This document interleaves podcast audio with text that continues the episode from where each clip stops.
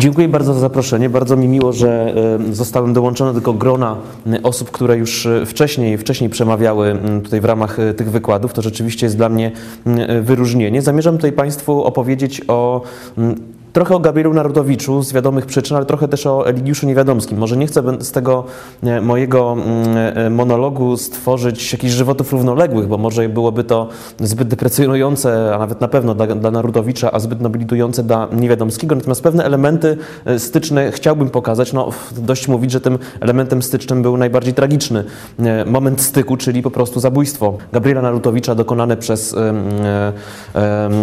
Eligiusza Niewiadomskiego. Chciałbym to moje wystąpienie podzielić na parę części. Otóż taka teza wstępna, którą e, stawiam, którą staram się bronić też w książce o Eligiuszu Niewiadomskim, próbie biografii, jest taka, że e, do tego, by doszło do zabójstwa Gabriela Narutowicza, musiało, musiały się zbiec dwa czynniki. E, z jednej strony był to, były to powiedzmy okoliczności zewnętrzne, czyli no, pewna nagonka polityczna, społeczna, prasowa, która się wytworzyła po wyborze Gabriela Narutowicza na prezydenta. No, można wręcz mówić o kampanii nienawiści i nie jest to e, termin czy wyrażenie przesadzone, a z drugiej strony okoliczności wewnętrzne, do których bym e, zaliczył pewne cechy osobowościowe samego mordercy, czyli Eligiusza Niewiadomskiego. Jak gdyby trochę o tym i trochę o tym e, chciałbym powiedzieć. W dwóch, powiedzmy, pierwszych częściach mojego wystąpienia. E, później też powiedzieć też no, coś o samej ofierze, e, czyli o Gabrielu Narutowiczu, w takim może mm, niepomnikowym, ale moim zdaniem bardziej żywym, mm, e, żywym fresku, który, który też pokaże, jak w ogóle do tego doszło, że on się w, w Polsce znalazł i pewne elementy wspólnego, pewne wspólne elementy z życiorysem Niewiadomskiego da się, czy tam się to podoba, czy nie znaleźć. I w końcu mm, na, w ramach podsumowania chciałbym powiedzieć coś coś, czego no, no, może wejść na tematykę grząską, której historycy nie do końca e, lubią albo do której się nie przyznają, a którą może podświadomie czy gdzieś w ukryciu trochę lubią, mianowicie e, do historii alternatywnej. To znaczy zastanowić się, co by się stało, e, gdyby ta historia przebiegła inaczej i, i czy przebiegłaby inaczej. Mm, zaczynając od, może, w, bo żeby też to jakoś, jakoś poprowadzić, mm, może od szczegółu do ogółu, to zacznę od tych okoliczności wewnętrznych, czyli od, od tym, kim tak naprawdę był Eligiusz Niewiadomski. E, zacznę może zaskakująco. Eligiusz Niewiadomski był przedstawicielem inteligencji warszawskiej, e, pochodził z całkiem e, zacnej rodziny, z takiej zmieszczałego, zmieszczałej rodziny szlacheckiej. Był na pewno zdolnym malarzem, miał, miał tendencje społecznikowskie, takie trochę w duchu utrzymywanej pracy, pracy organicznej.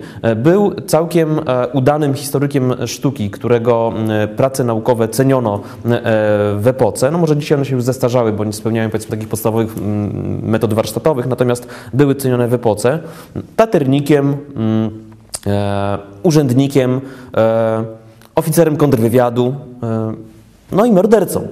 E, to jak gdyby last but not least niestety trzeba tutaj wymienić. Tak więc postać na pewno wieloaspektowa, wielowymiarowa, nie taka płytka. Jakby ja trochę mm, oponuję przeciwko takiemu zestawieniu, że znaczy, no, zrozumiałemu i oczywistemu, że niewiadomski od razu prawda, szaleniec, morderca. Oczywiście tak, ale też zauważmy e, pewne, mm, pewne szersze e, czy głębsze aspekty jego osobowości, które nie służą bynajmniej temu, żeby jakby usprawiedliwiać jego czyn, ale być może właśnie jeszcze bardziej zdać sobie sprawę dlatego, dlaczego do tego mm, czynu E, musiało dojść. Mm, przy czym e, pojawia się oczywiście ten wątek szaleństwa, czy, czy Niewiadomski był szalony, czy był, czy był szaleńcem. szaleńcem. Klinicznie e, tego nie stwierdzono. Dlaczego? Ponieważ go nie zbadano.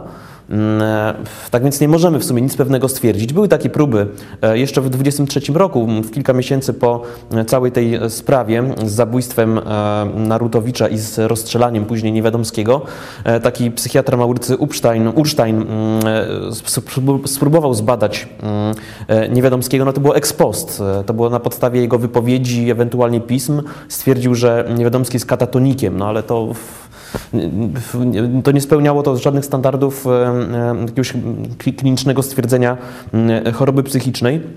Jeszcze stosunkowo niedawno, bo w 2000 roku w ramach programu Rewizja Nadzwyczajna w telewizji też próbowano taką analizę psychiatryczną spowodować, przeprowadzić, no ale to jest z perspektywy tych 70 kilku lat no było to dość, dość wątpliwe, chociaż ci psycholodzy stwierdzili, że Niewiadomski cierpiał na tak zwany obłęd, obłęd posłannictwa.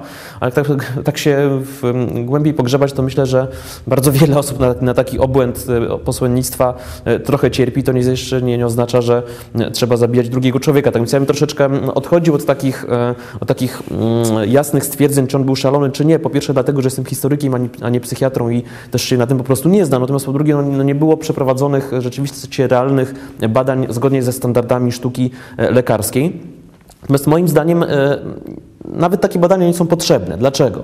E, moim zdaniem te cechy osobowościowe Niewiadomskiego, które znamy, wystarczają e, w połączeniu z tymi okolicznościami zewnętrznymi, o których jeszcze powiem, do e, no, stworzenia tej mieszanki, tego koktajlu, którego efektem będzie decyzja o zabójstwie Narutowicza.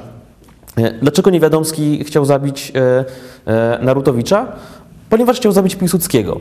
E, I to nie jest żadne przejęzyczenie, on sam tak to argumentuje. To jest e, no, trochę absurdalne, ale taka jest argumentacja Niewiadomskiego. Jeżeli sobie poczytamy... Hmm, Poczytamy akta procesu, stenogramy e, procesu zachowane, opublikowane jeszcze w 23 roku, dość szczegółowej. Tam jest przedstawiona jego mm, no, no, wizja obrony, czy linia obrony przyjęta przez samego Niewiadomskiego. Jeżeli też to zestawimy jeszcze z takim jego testamentem politycznym, którym były mm, taki zbiór dość chaotycznych e, myśli nazwany kartkami z więzienia, kartki z więzienia, to jest też opublikowane w 23 roku, on to pisał właściwie na, na kilka dni przed śmiercią, to skończył, to zauważymy, że on co najmniej od 18 roku, czy może 19, 19 no to no, no, no, z przełomu w każdym razie, zamierzał zabić Piłsudskiego.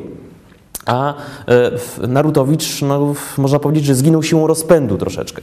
E, to, to, to jeszcze mm, wyjaśnię bliżej, e, badając okoliczności zewnętrzne, mm, o co chodziło mm, Niewiadomskiemu. Był to radykał, niewątpliwie był to radykał. E, oczywiście od razu nam się kojarzy, że był to radykał e, no, nacjonalistyczny, narodowy. To nie jest też takie oczywiste. Jeżeli sobie popatrzymy na mm, jego mm, taką drogę, dzień dobry, e, drogę ideową, czy pewną ewolucję światopoglądu, to stwierdzimy, zauważymy, że on w czasie swojej młodości, jeszcze nawet do 14 roku, przeżył pewien okres fascynacji socjalizmem i zwłaszcza tymi e, radykalnymi jednak metodami działań, jakie proponował Piłsudski w ramach PPS-u frakcji rewolucyjnej. On za bardzo do tej fascynacji nie chce tak się bezpośrednio przyznawać, ale to nawet on troszeczkę o tym, o tym mówi. Tak więc ta cała nienawiść do tego, co on nazywa lewactwo, żydostwo, e, Piłsudski Ojczyzna to jest troszeczkę, mówię to przesadnie, z premedytacją, ale coś w tym jest, trochę zdradzona miłość. On rzeczywiście w pewnym momencie swojego życia pokładał duże nadzieje, e, może już później nie tyle w samych ideach socjalistycznych, co w samym Piłsudskim. Spodziewał się, że Piłsudski zaprowadzi tą e, Polskę szklanych domów e, po 18 roku. Piłsudski tego zdaniem Niewiadomskiego nie robi i stąd bierze się ta nienawiść. Natomiast widać u niego wcześniej jeszcze taką fascynację radykalizmem działań. On namawia swoich kolegów ze środowisk endeckich do wysadzania pociągów, do napadania na banki, czy wręcz do jakichś pobić, e, egzekucji. E, no, co to nam przypomina? To nam przypomina metody działań Piłsudskiego i to wręcz, to jest lustrzane, e, odbicie. Zresztą on na tym tle dość mocno pokłócił się z kolegami endeckimi, którzy, jak wiemy, pod wpływem Dmowskiego na, przełomie XIX i XX wieku lawirują bardziej ku tendencjom takiej pracy no, no, no, ugodowej w ramach systemu, prawda? Później Dmowski będzie po 1905 roku kandydował do Dumy rosyjskiej, tak więc będzie ten podział, prawda, na bardziej radykalny PPS, frakcja rewolucyjna. Ci socjaliści też się dzielą, już może to, w to nie wchodźmy. I ten bardziej ugodowy, później oskarżany właśnie o kolaborację z reżimem e, mm, nurt e, narodowej demokracji. E, jeżeli rzeczywiście myśl Niewiadomskiego ewoluuje ku radykalizmowi narodowemu, tak w metodach działań są bliski, bliski metodom Piłsudskiego. To jest, to jest ciekawy, ciekawy rys jego osobowości. On wykazał się rzeczywiście pewną cywilną odwagą, ponieważ przemycał mm, przemycał literaturę, powiedzielibyśmy dzisiaj bibułę, prasę drugoobiegową, no oczywiście to, to nie jest język z epoki e, narodową, z Galicji, z terenów e, Krakowa do, do Warszawy i Łodzi jeszcze przed 14 rokiem. Zresztą e, taka jego melina w Łodzi e, została przez ochranę e, namierzona i on wpadł, przesiedział kilka miesięcy na początku XX wieku w, e, w Cytadeli, podobno w tej samej celi co Piłsudski niewiele wcześniej, ale to tego, na to nie mamy dowodów, jest taka troszeczkę legenda. Tak więc rzeczywiście ten, to, tą, tą, tą, tą działalność polityczną niepodległościową uprawiał. Tego mu nie można odmówić. Trochę e, w imię tej działalności politycznej zrezygnował z rozwijania e, kariery mm, malarskiej, chociaż tylko trochę. On nigdy pracy malarskiej nie za, zaprzestał, natomiast rzeczywiście to ograniczył. On skończył na przełomie lat 80., 90. XIX wieku mm, z jednej strony mm, Akademię Sztuk Pięknych w Sankt Petersburgu, a później dostał stypendium w Paryżu i tam też dwa lata e, w Paryżu siedział.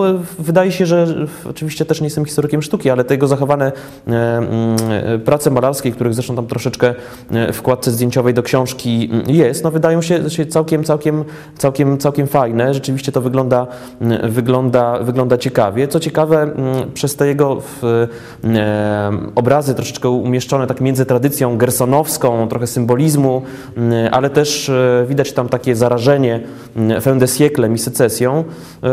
Widać artystę dość wrażliwego, wyczułego na, na, na, na na kolor, na, na wyczucie sceny, no zupełnie tak jakby kontrastuje z jego, jego taką ciasnym fanatyzmem y, politycznym. To jest też bardzo ciekawe. Ja pisząc tę książkę się zastanawiałem, jak e, człowiek może być jednocześnie wrażliwym artystą, utalentowanym, potrafiącym rzeczywiście wynieść się na jakiś tam poziom su, su, su, takiego wysublimowania z jednym takim ciasnym, ciasnym myśleniem ideologiczno-politycznym, które sprowadza wszystko do, do, do spisku żydowsko-socjalistycznego, prawda? To jest zupełnie, w sumie nawet do tej pory dla mnie nie do końca zrozumiały, co człowiek przestronnie wykształcony, w, obracający się w kosmopolitycznym jakimś środowisku i w Sankt Petersburgu, i w Paryżu, z rodziny o, o, o szerokich do horyzontach. Ojciec też był takim społecznikiem, no, urzędnikiem, ale, ale o szerokich horyzontach, mającym zresztą znajomości wśród burżuazji żydowskiej. No, to jest rzeczywiście taki rys osobowościowy dość ciekawy u Niewiadomskiego i taki, taki sprzeczny, wewnętrznie mm, sprzeczny. On w tym Paryżu y, miał jakiś wypadek. Do końca y, o tym wypadku dużo nie wiemy. Wiemy, że uległ tam jakim, jakimś dość poważnym oparzeniom mm, i być może to też wstrzymało jego pracę, e, pracę malarskie.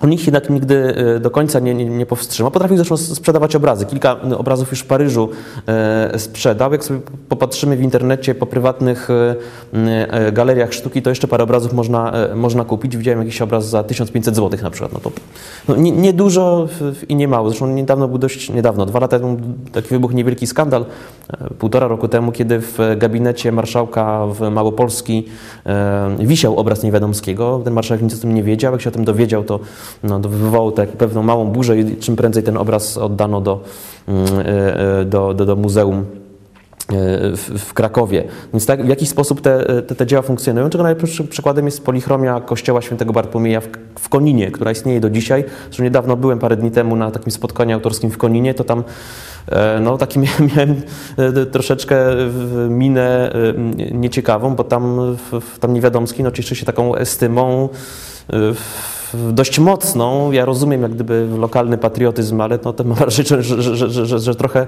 e, trochę przesadzają w tym, w, tym, w tym chwaleniu. No jednak osoby, która, która została skazana prawnie za, za, za morderstwo na, na karę śmierci. Natomiast o, to, o, tym jeszcze może trochę, bo taki pewien, e, to co się stało z, jakby z, z przeinterpretowaniem Niewiadomskiego, jego czynu, o tym chciałbym jeszcze, e, jeszcze powiedzieć w tej, w tej dalszej części. E, w każdym razie on rzeczywiście tą, tą, swoją pracę artystyczną trochę, trochę e, ogranicza, no ale tworzy tą polichromię, w Koninie na początku XX wieku.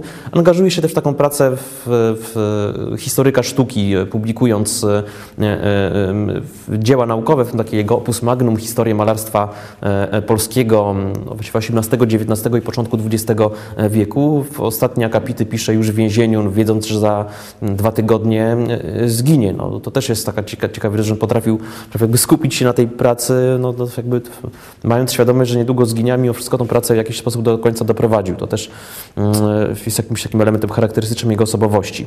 Mm. W, jeszcze tylko, w, w, zanim też dojdę do, do, do już do, do tego, co, co w tej osobowości też decydowało o tym zabójstwie, to jeszcze parę słów o jego życiu osobistym. No, dużo na ten temat nie wiemy, bo on był człowiekiem dość skrytym. Nawet o tych oparzeniach w Paryżu nie dzielił się jakby wrażeniami czy jakby tymi swoimi jakimiś problemami w życiu rodzinnym. E, był też taki jego wątek w rodzinie, który nie pasował do ideologii, który, którą e, promował i wyznawał, mianowicie jego matka była Niemką.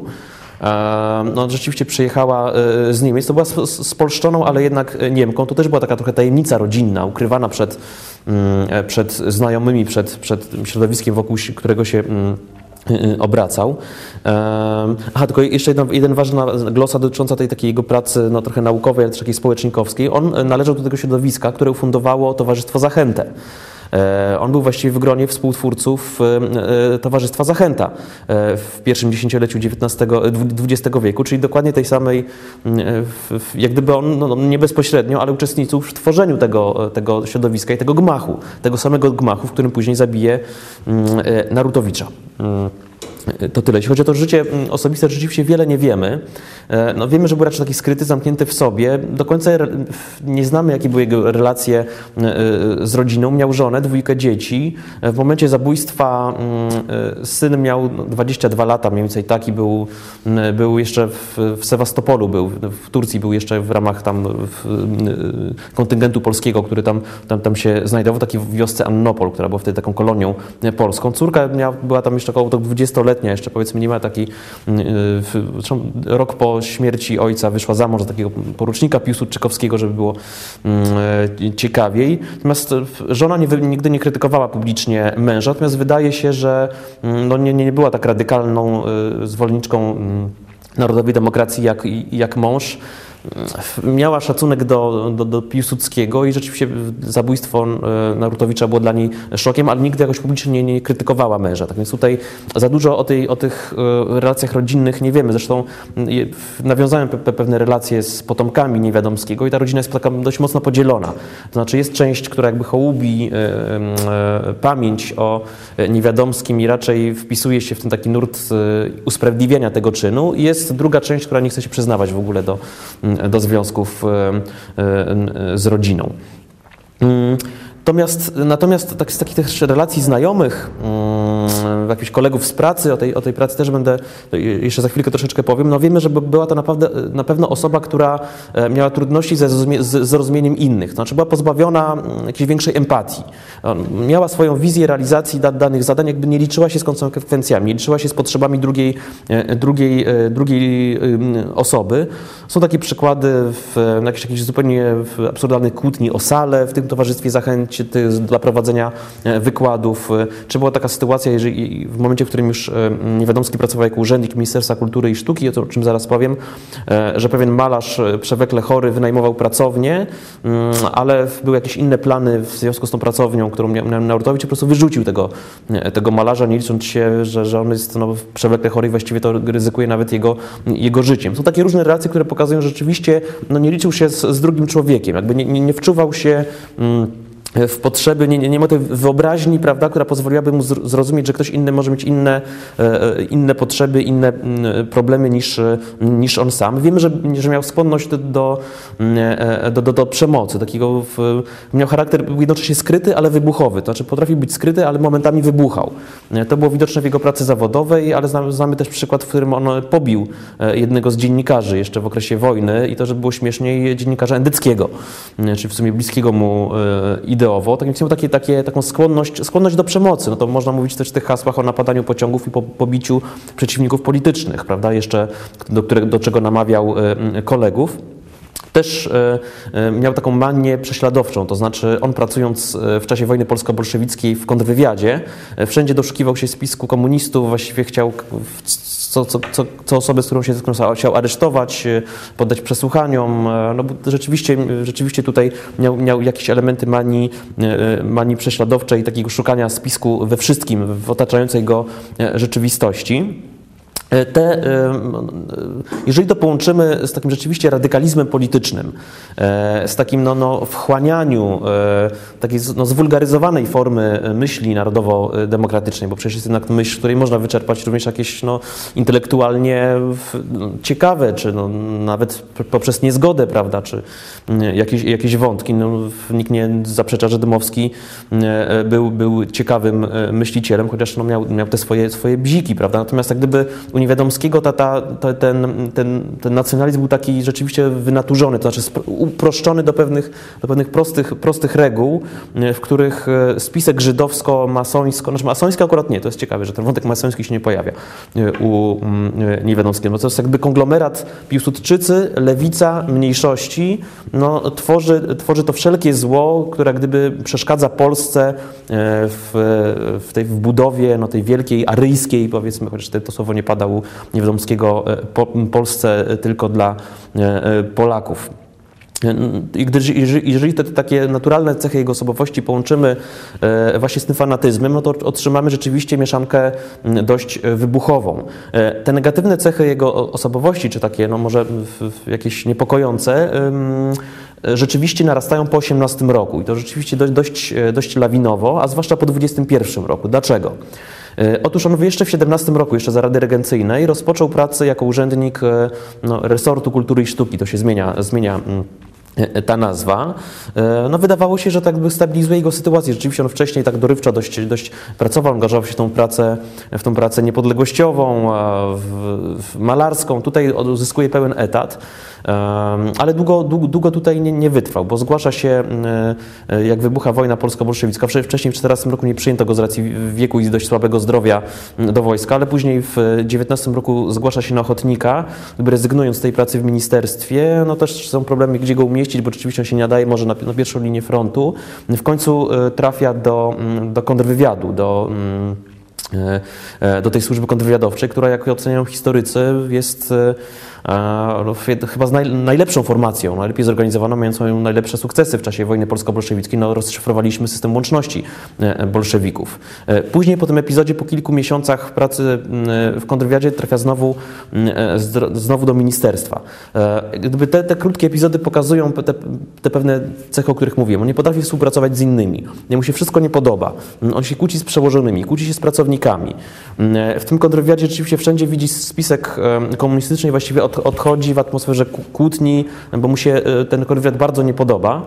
Później też nie zagrzał na drugi raz długo miejsca w tym Ministerstwie Kultury i Sztuki, bo znowu pokłócił się ze wszystkim łącznie z, łącznie z samym ministrem, e, który po prostu go wyrzucił z pracy no, za, za nieumiejętność współpracy i, i jakiejś efektywnej e, pracy. I on traci tą pracę w marcu 2021 roku i od tej pory jest bezrobotny.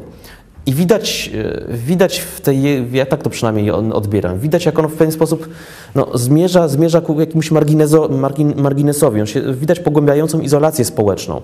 On traci kontakt, on już pokłócony jest ze wszystkimi. Pokłócił się już z tymi endekami, pokłócił się z kolegami z pracy, pokłócił się z malarzami e, i on w pewien sposób dokonuje takiej autoizolacji. Rzeczywiście gdzieś e, w nim pojawia się ten element outsiderstwa. Jest coraz bardziej na marginesie, jest coraz większym outsiderem i te wszystkie jakby cechy osobowościowe w nim się radykalizują, wyostrzają.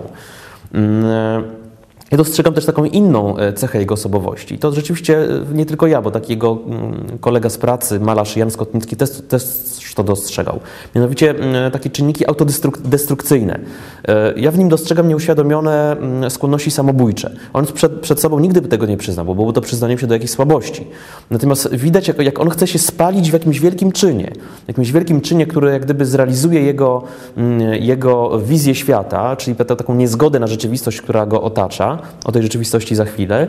Mm, I z jednej strony będzie jakby takim mm, realizacją jego wyolbrzymionych, takich wielkich megalomańskich ambicji, bo on jest megalomanem, to jest, to, jest oczywiste. Ma, z jednej strony jest tak trochę zakompleksiony, z drugiej strony ma, no to jest częste, prawda, ma jakieś wybujałe mniemanie o samym sobie, ale z jednej strony będzie też jakimś, jakąś autodestrukcją, będzie jakimś takim samospaleniem się wielkim, e, e, wielkim patriotycznym, jak on to by argumentował, czynie. I, I, to rzeczywiście widać w tym, co on, co on mówi, no i w tym, co, co on robi. To dostrzegali w jakiś sposób też ludzie, no, którzy z, z, nim się, z nim się stykali. Gdyby w tym momencie zostawmy trochę Niewiadomskiego i zobaczmy tą drugą, drugi element układanki, który jest e, konieczny do, tej, e, e, do tego tragicznego zbiegu, zbiegu wydarzeń, nie no, okoliczności, w znaczeniu dosłownym, jakim było zabójstwo Narutowicza, mianowicie te okoliczności, te okoliczności zewnętrzne. Jak już mówiłem, to też Państwo pewnie mniej więcej wiedzą, może nie będę tego straszliwie rozbudowywał, po wyborze Narutowicza na prezydenta rozgorzała Rzeczywiście e, kampania e, nienawiści wymierzona e, w tę osobę. Dlaczego? Mamy tutaj czynniki, moim zdaniem, długofalowe i czynniki koniunkturalne. Jeśli chodzi o długofalowe, to co najmniej dwie. Po pierwsze, to tak zacznę po dawnemu, że tak powiem, po marksistowskiemu od gospodarki.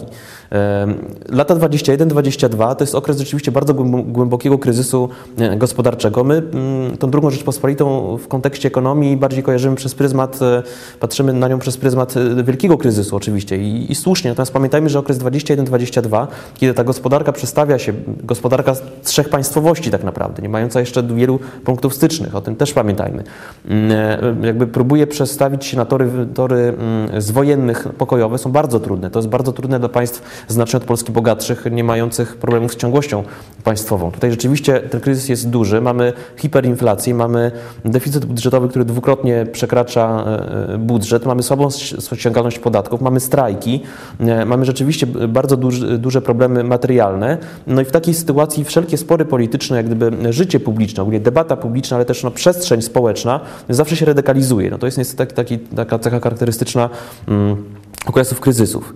E, a debata e, polityczna czy publiczna i scena polityczna jest zradykalizowana e, też dlatego, i to jest drugi czynnik długofalowy, e, że te wszystkie problemy wewnętrzne, które oczywiście istniały, które się pojawiały, pamiętajmy, że pierwsze próby zamachu stanu pojawiają się już w styczniu 19 roku. To jest taki nieudany spisek, który Piłsudski, Piłsudski sobie bez problemu pojawił, poradził, ale jednak one w pewien sposób były zamrożone czy wstrzymane no w wyniku tego, że Polska najpierw walczyła o niepodległość, y, a później walczyła o jej zachowanie i o granice.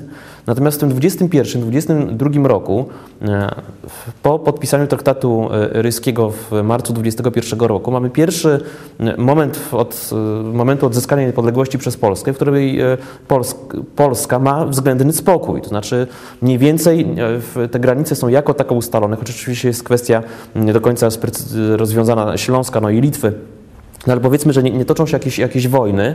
E, granice między jakoś tam są mniej więcej e, ustalone. Ta państwowość jest jak w jakiejś formie w, w kontekście międzynarodowym obroniona.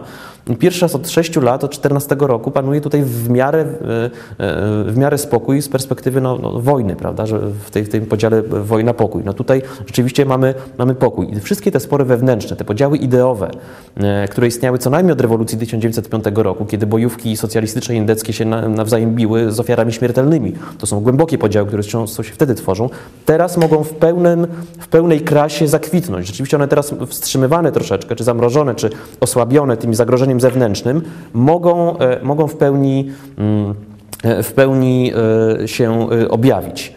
Do tego dochodzą owe czynniki koniunkturalne, które są w których jest, no być może nie będę znowu się bawił w jakieś, jakieś wymienianie liczbowe, ale po prostu nie wymienię. Pamiętajmy, że dopiero e, mniej więcej w tym samym czasie, kiedy mamy traktat ryski, prawda, no właściwie to jest ten sam czas, mamy ustaloną, uchwaloną e, konstytucję marcową, prawda, właśnie też uchwaloną właśnie szybko, żeby e, to, to co było, było trochę na naczynia powiązane, prawda. Konstytucja mar marcowa jednak jeszcze przez kilka miesięcy, kilkanaście miesięcy tak naprawdę była zamrożona przez to, że nie rozpisano wyborów, które dopiero te wybory i parlamentarne, i prezydenckie miały się odbyć już według Konstytucji Marcowej i ona wtedy tak naprawdę dopiero, dopiero wchodziła w życie. Natomiast posłowie pierwszej kadencji tego Sejmu e, Ustawodawczego no, no przywiązali się do stołków, co to dużo, dużo mówiąc, i, i robili wszystko, żeby te procedury e, przewlekać, no ale w końcu nie dało się już dłużej przewlekać.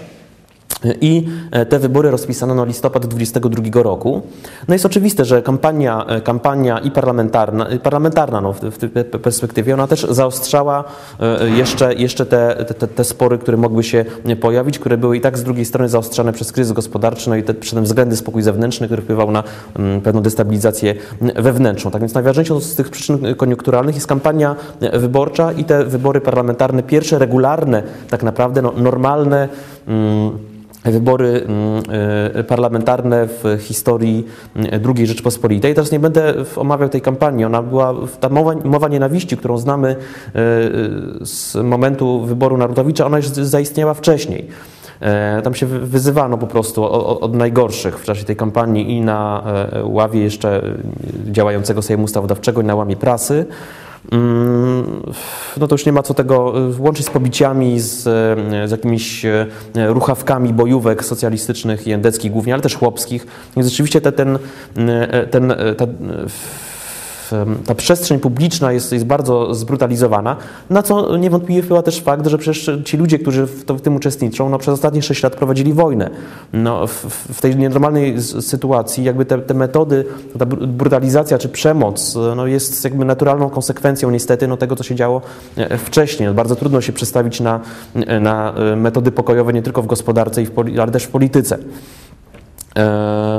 W każdym razie, żeby już nie, tylko tyle stwierdzę, że ta, ta kampania rzeczywiście mm, y, nienawiści już się, się pojawi, pojawiła, y, tylko stwierdzę, że to, to y, się tak w socjologii uczenie nazywa polaryzacją afektywną. Co to znaczy?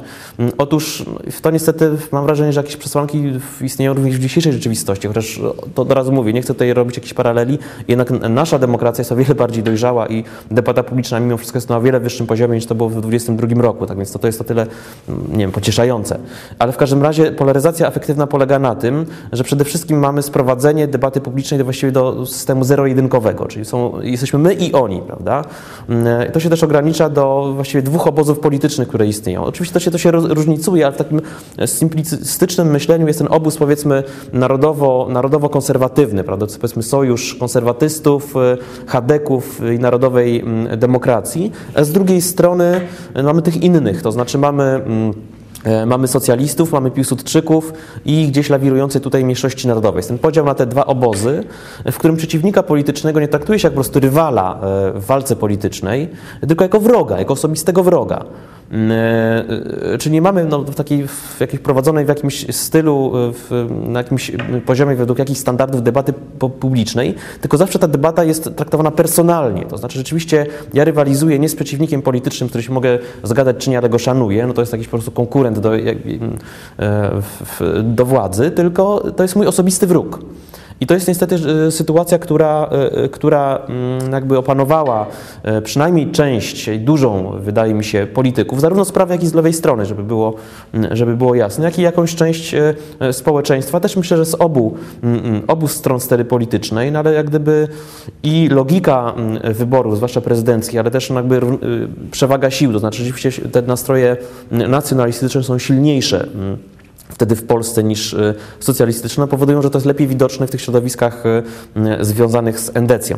W każdym razie wynik wyborczy jest taki, że wygrywa prawica, ale nie, nie ma e, większości. To znaczy, że żeby stworzyć jakiś stabilny rząd, musi wejść w kimś z koalicji. Najbliżej jest im do koalicji z PSL Piast, prawda? czyli z Witosem, z tym powiedzmy miarkowanym e, e, chłopstwem PSL Piast. Mamy jeszcze dość silne PSL Wyzwolenie, takie i PPS, ale te partie PSL Wyzwolenie i PPS, czy ta lewica otrzymała razem mniej głosów niż e, ten sojusz e, e, prawicowo-endecki, prawda, razem wzięte. Tak więc to jest jakby porażka lewicy. Centrum też jest, jest w sumie dość słabe. No i mamy języczek uwagi, czyli mniejszości narodowe, które mają w sumie około no kilka, kilkanaście procent, jeżeli popatrzymy jednocześnie na Sejm i Senat. Się okaże przy wyborze Nartowicza, że to będzie ten języczek, języczek uwagi.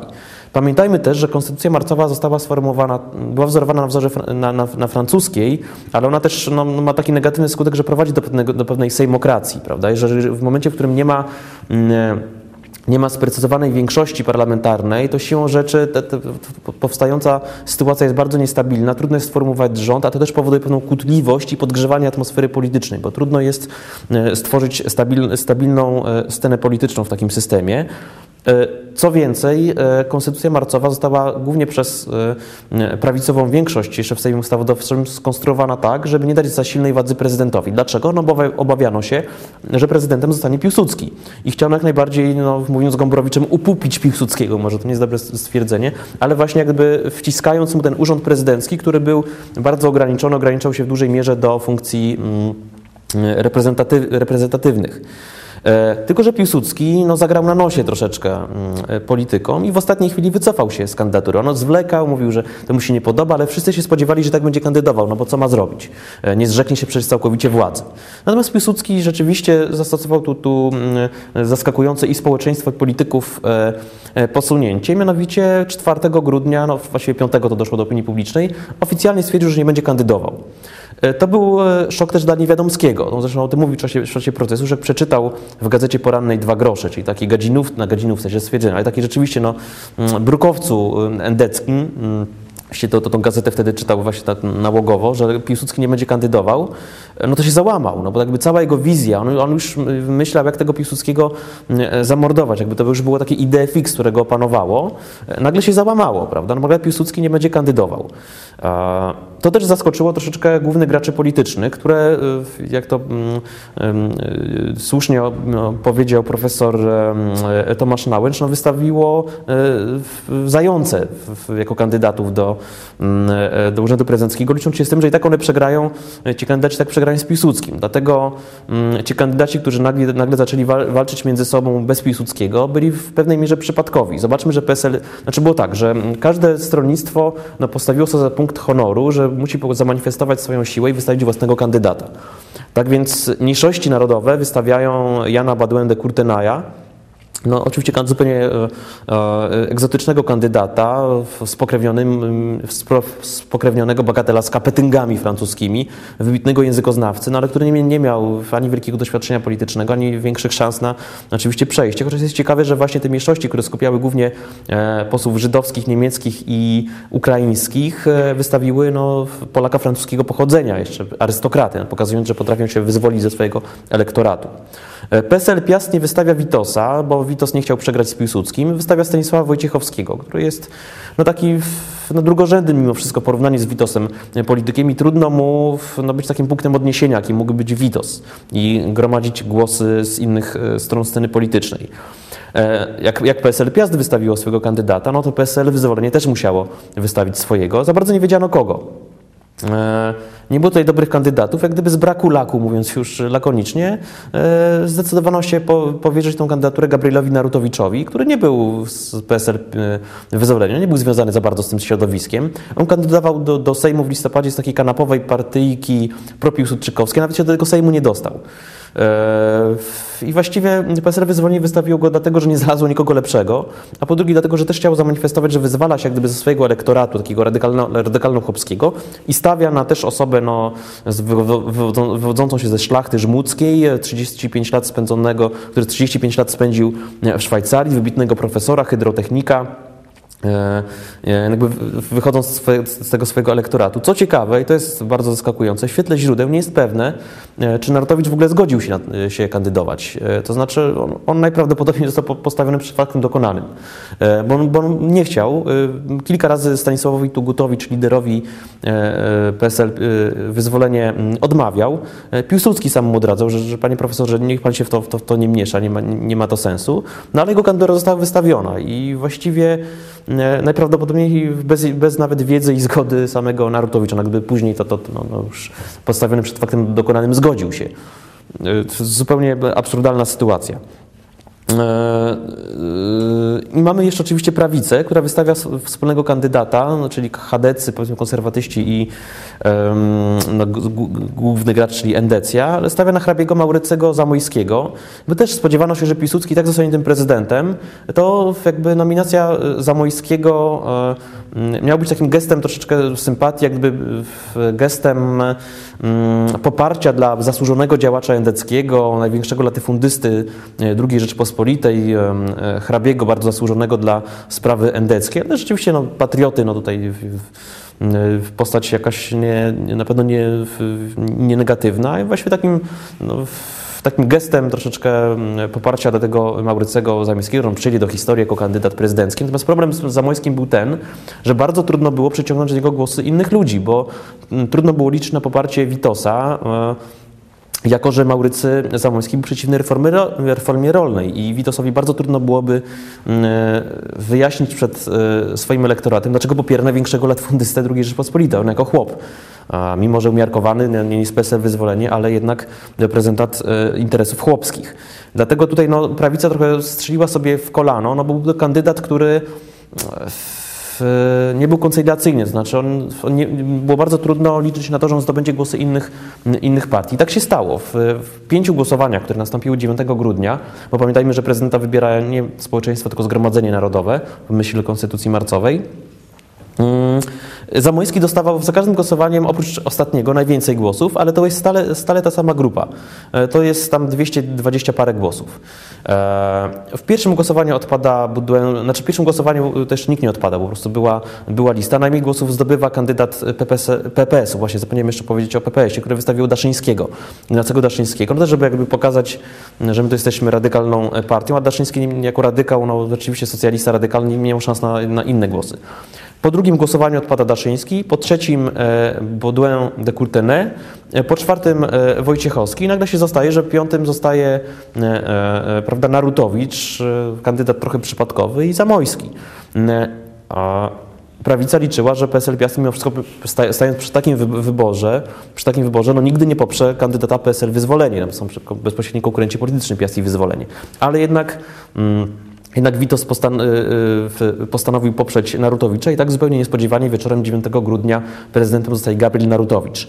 Kim był Gabriel Narutowicz? On przybył do Polski raptem kilkanaście miesięcy wcześniej, no już może e, więcej niż 20 miesięcy wcześniej, mianowicie w 20 roku. E, objął tekę e, ministra robót publicznych, a później od czerwca 22 roku przez chwilę, no właściwie, no bo przez te pół roku niecałe, był ministrem spraw zagranicznych. Była to osoba szerzej nieznana opinii publicznej. No też jak gdyby informacja, no nie było takiego rozpowszechnionych mediów jak dzisiaj, tak więc ci politycy też byli mniej znani posłowie niż dzisiaj, ale mimo wszystko była to osoba dość słabo, słabo znana. Właściwie trudno stwierdzić, jakim on był politykiem. E, jako minister robót publicznych on działał w specyficznej sytuacji wojny polsko-bolszewickiej i za długo na tym, mm, w, w, jakby to było stanowisko drugorzędne, to było ministerstwo drugorzędne. Był takim bardziej pragmatykiem, urzędnikiem, e, nie miał cech raczej takich przywódczych.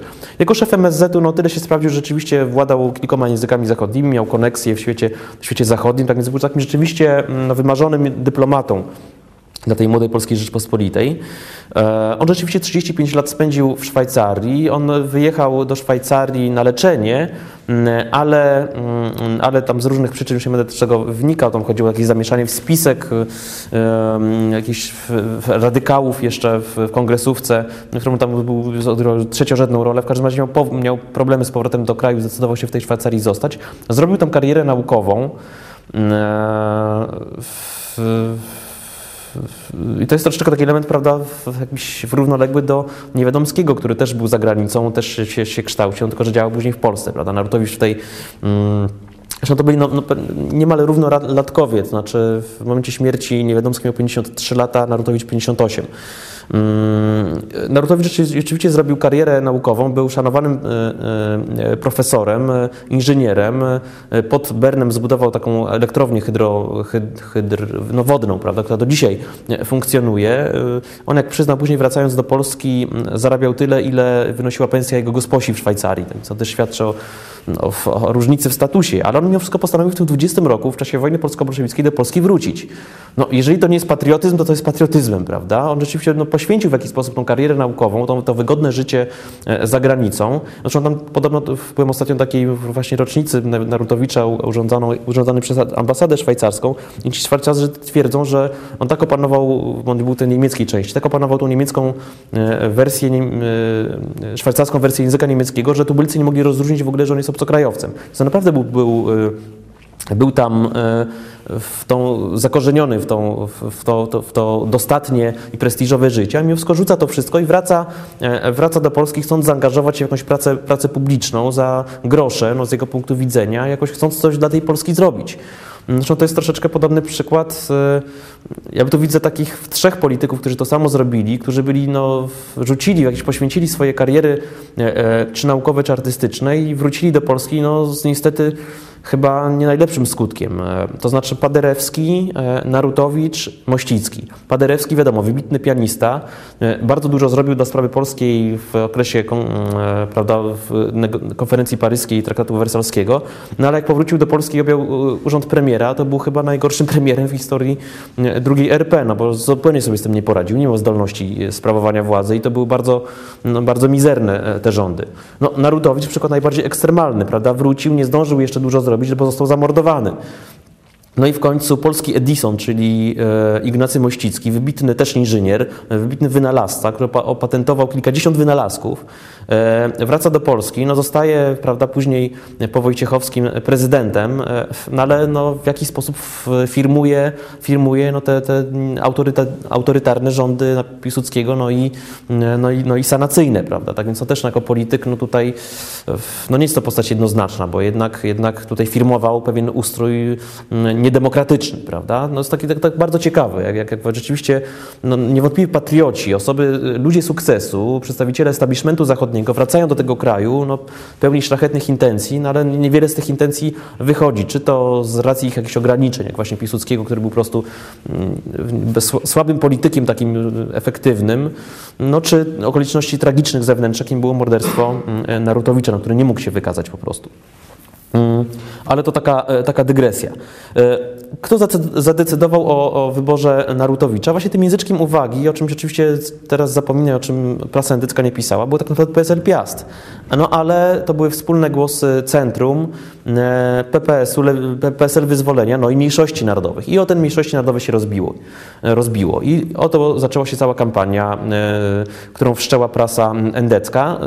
Po pierwsze dlatego, że rzeczywiście no tutaj to była porażka no zupełnie niezrozumiała. Partia czy koalicja, która ma większość, e, nie potrafi wygrać wyborów i postawić na swojego kandydata, czy po, zyskać poparcie swojego kandydata, więc oni byli wściekli po prostu, że, że przegrali. No, a z drugiej strony włączył się jak gdyby ta lampka ideologiczna, że tutaj mniejszości narodowe zaczynają decydować o tym, kto zostaje polskim prezydentem, prawda? Czyli mniejszości narodowe sterują Polską.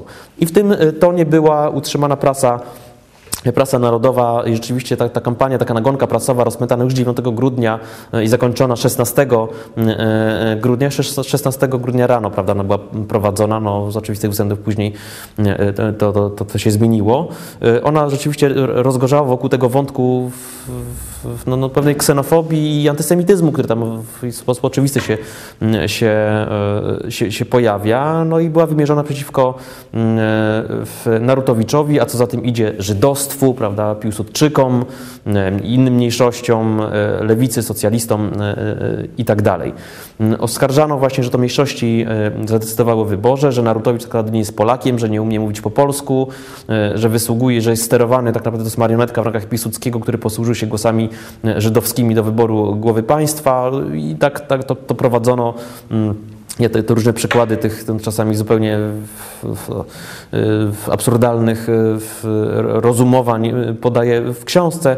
Mm, to rzeczywiście ta kampania no, była pozioma, trzymana na poziomie no, no, no brukowców, takich, znaczy, znaczy blisko takiego błota po prostu. No, co tu dużo, mm, dużo mówić.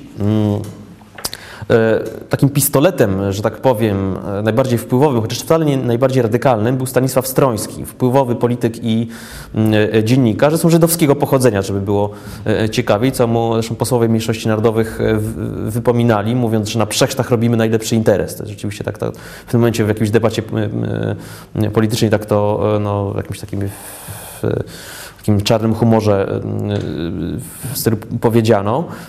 No to jest o tyle wpływa postać, że on jest między innymi autorem powiedzenia cud nad Wisłą, prawda, który w zamierzeniu miał być deprecjonujący wobec Piłsudskiego, że to był cud, a nie, czy jakaś siła wyższa musiała interweniować, a nie zdolności wojskowe Piłsudskiego. On też ukuł wtedy to powiedzenie o Narutowiczu jako zawadzie, prawda, no i to jakby ulica pochwyciła, że trzeba tą zawadę usunąć. No, Niewiadomski potraktował to dosłownie. Zresztą później, e, już po śmierci Narutowicza bezpośrednio, e, Stroński ukuje trzecie powiedzenie, które przeszło do mowy potocznej, mianowicie ciszej nad tą trumną. E, dzisiaj to się nam kojarzy z takim raczej no, wyrazem szacunku prawda, dla zmarłych, żebyśmy już nie, nie roztrząsali sporów prawda, wokół osoby zmarłego, że o de mortuis nihil, tak, nisi bene, mm, nie, nie jak, tak, no, jakoś tak. W każdym razie to dzisiaj ma konotację pozytywną, natomiast wtedy to było trochę tak to postrzegane jako taki szczyt hipokryzji, no bo on jak gdyby tą kampanię, tą nagonkę nakręcał, mówiąc o zawadzie, to nagle mówi, że teraz nie, już cicie się na tą trumną, już nie mówmy o tym, e, nie warto. A dlaczego nie mówmy o tym nie warto? Bo oczywiście prasa lewicowa, socjalistyczna zaczęła od razu podkreślać związki Niewiadomskiego z e, endecją, jakby sugerować, że zabójstwo Narutowicza to był spisek endecki, prawda? Więc on mówi, nie, nie, nie, to już co to wy wypisujecie, ciszej nad tą trumną. E, to, to jest nie tylko e, nagonka mm, prasowa, to jest kampania nienawiści nie tylko jakby w sferze mediów e, istniejąca, ale też na ulicy. E, zobaczmy, jaka jest sytuacja, już jakoś, żeby to, to szybko mm, skrócić. Mm, już 9 grudnia mamy pierwsze, pierwsze demonstracje, które bojówki endeckie e, rozpętują. Bardzo aktywne jest Towarzystwo Rozwój, taka młodzieżówka powiedzmy endecka, taka bardzo radykalna. Też pamiętajmy, ja tak trochę to, to spłaszczam, że te nurty w Endecji, szczególnie na tej prawicy, są, są różnorodne. Mam też umiarkowanych, y, którzy nie pochwalają tej całej e, nagonki, też żebyśmy, no, no ale mówię, no, tutaj troszeczkę uogólniam, ale to ogólnie nie jest jakoś uzasadnione. Mm. W każdym razie zaczynają się już pierwsze demonstracje. Po raz pierwszy przemawia generał Haller ze swojego e, balkonu, e, bardzo ostry krytyk e, Narutowicza od początku. 10 grudnia mamy demonstrację wielką zorganizowaną przez Towarzystwo Rozwój. 11 grudnia, kiedy mamy zaprzysiężenie Narutowicza, powstają barykady na, na ulicy. Policja właściwie jest bierna, nie reaguje. Rząd wtedy ustępujący zgodnie z zaprzysiężeniem właściwie podał się do dymisji, to był rząd Polińskiego to właściwie nie wiadomo, kto, kto sprawuje rządy. Policja nie, nie reaguje na te, na te walki bojówek socjalistycznych i endeckich zwłaszcza. Sytuacja jest naprawdę zaogniona. 12 grudnia zresztą wojsko wchodzi na, na ulicę. Piłsudski się piekli, pytając się, czy on jest naczelnikiem, czy nie, żeby dać mu, e, dać mu jeszcze na 24 godziny władzę, to on zaprowadzi porządek. Narutowicz jest właściwie trochę oszołomiony, nie wie, jak, jak na tą sytuację reagować. W momencie jeszcze tego 11 grudnia, kiedy on e, składa to zaprzysiężenie, czy jedzie otwartą bryczką na wiejską, e, lecą w jego kierunku kamienie, kulki śnieżne, jakieś gałęzie. E, podbito mu oko zresztą, składał przysięgę z podbitym okiem co świadczy o, sytuacji, jaka, jaka wtedy panowała. Tak jest naprawdę to jest bardzo, bardzo burzliwy czas. E, bardzo burzliwy czas, bardzo takiego wielkiego zamętu. No i tu już jak gdyby możemy sobie dopowiedzieć, prawda, to wszystko, co mówiłem Niewiadomskim, jak on musiał to przeżywać, jak on musiał to wszystko odbierać, jak to musiało go nakręcać, e, ta cała e, sytuacja. Mm. Zresztą e, to nie Narodowicz jest pierwszą e, ofiarą tej kampanii nienawiści, tylko e, pewien robotnik.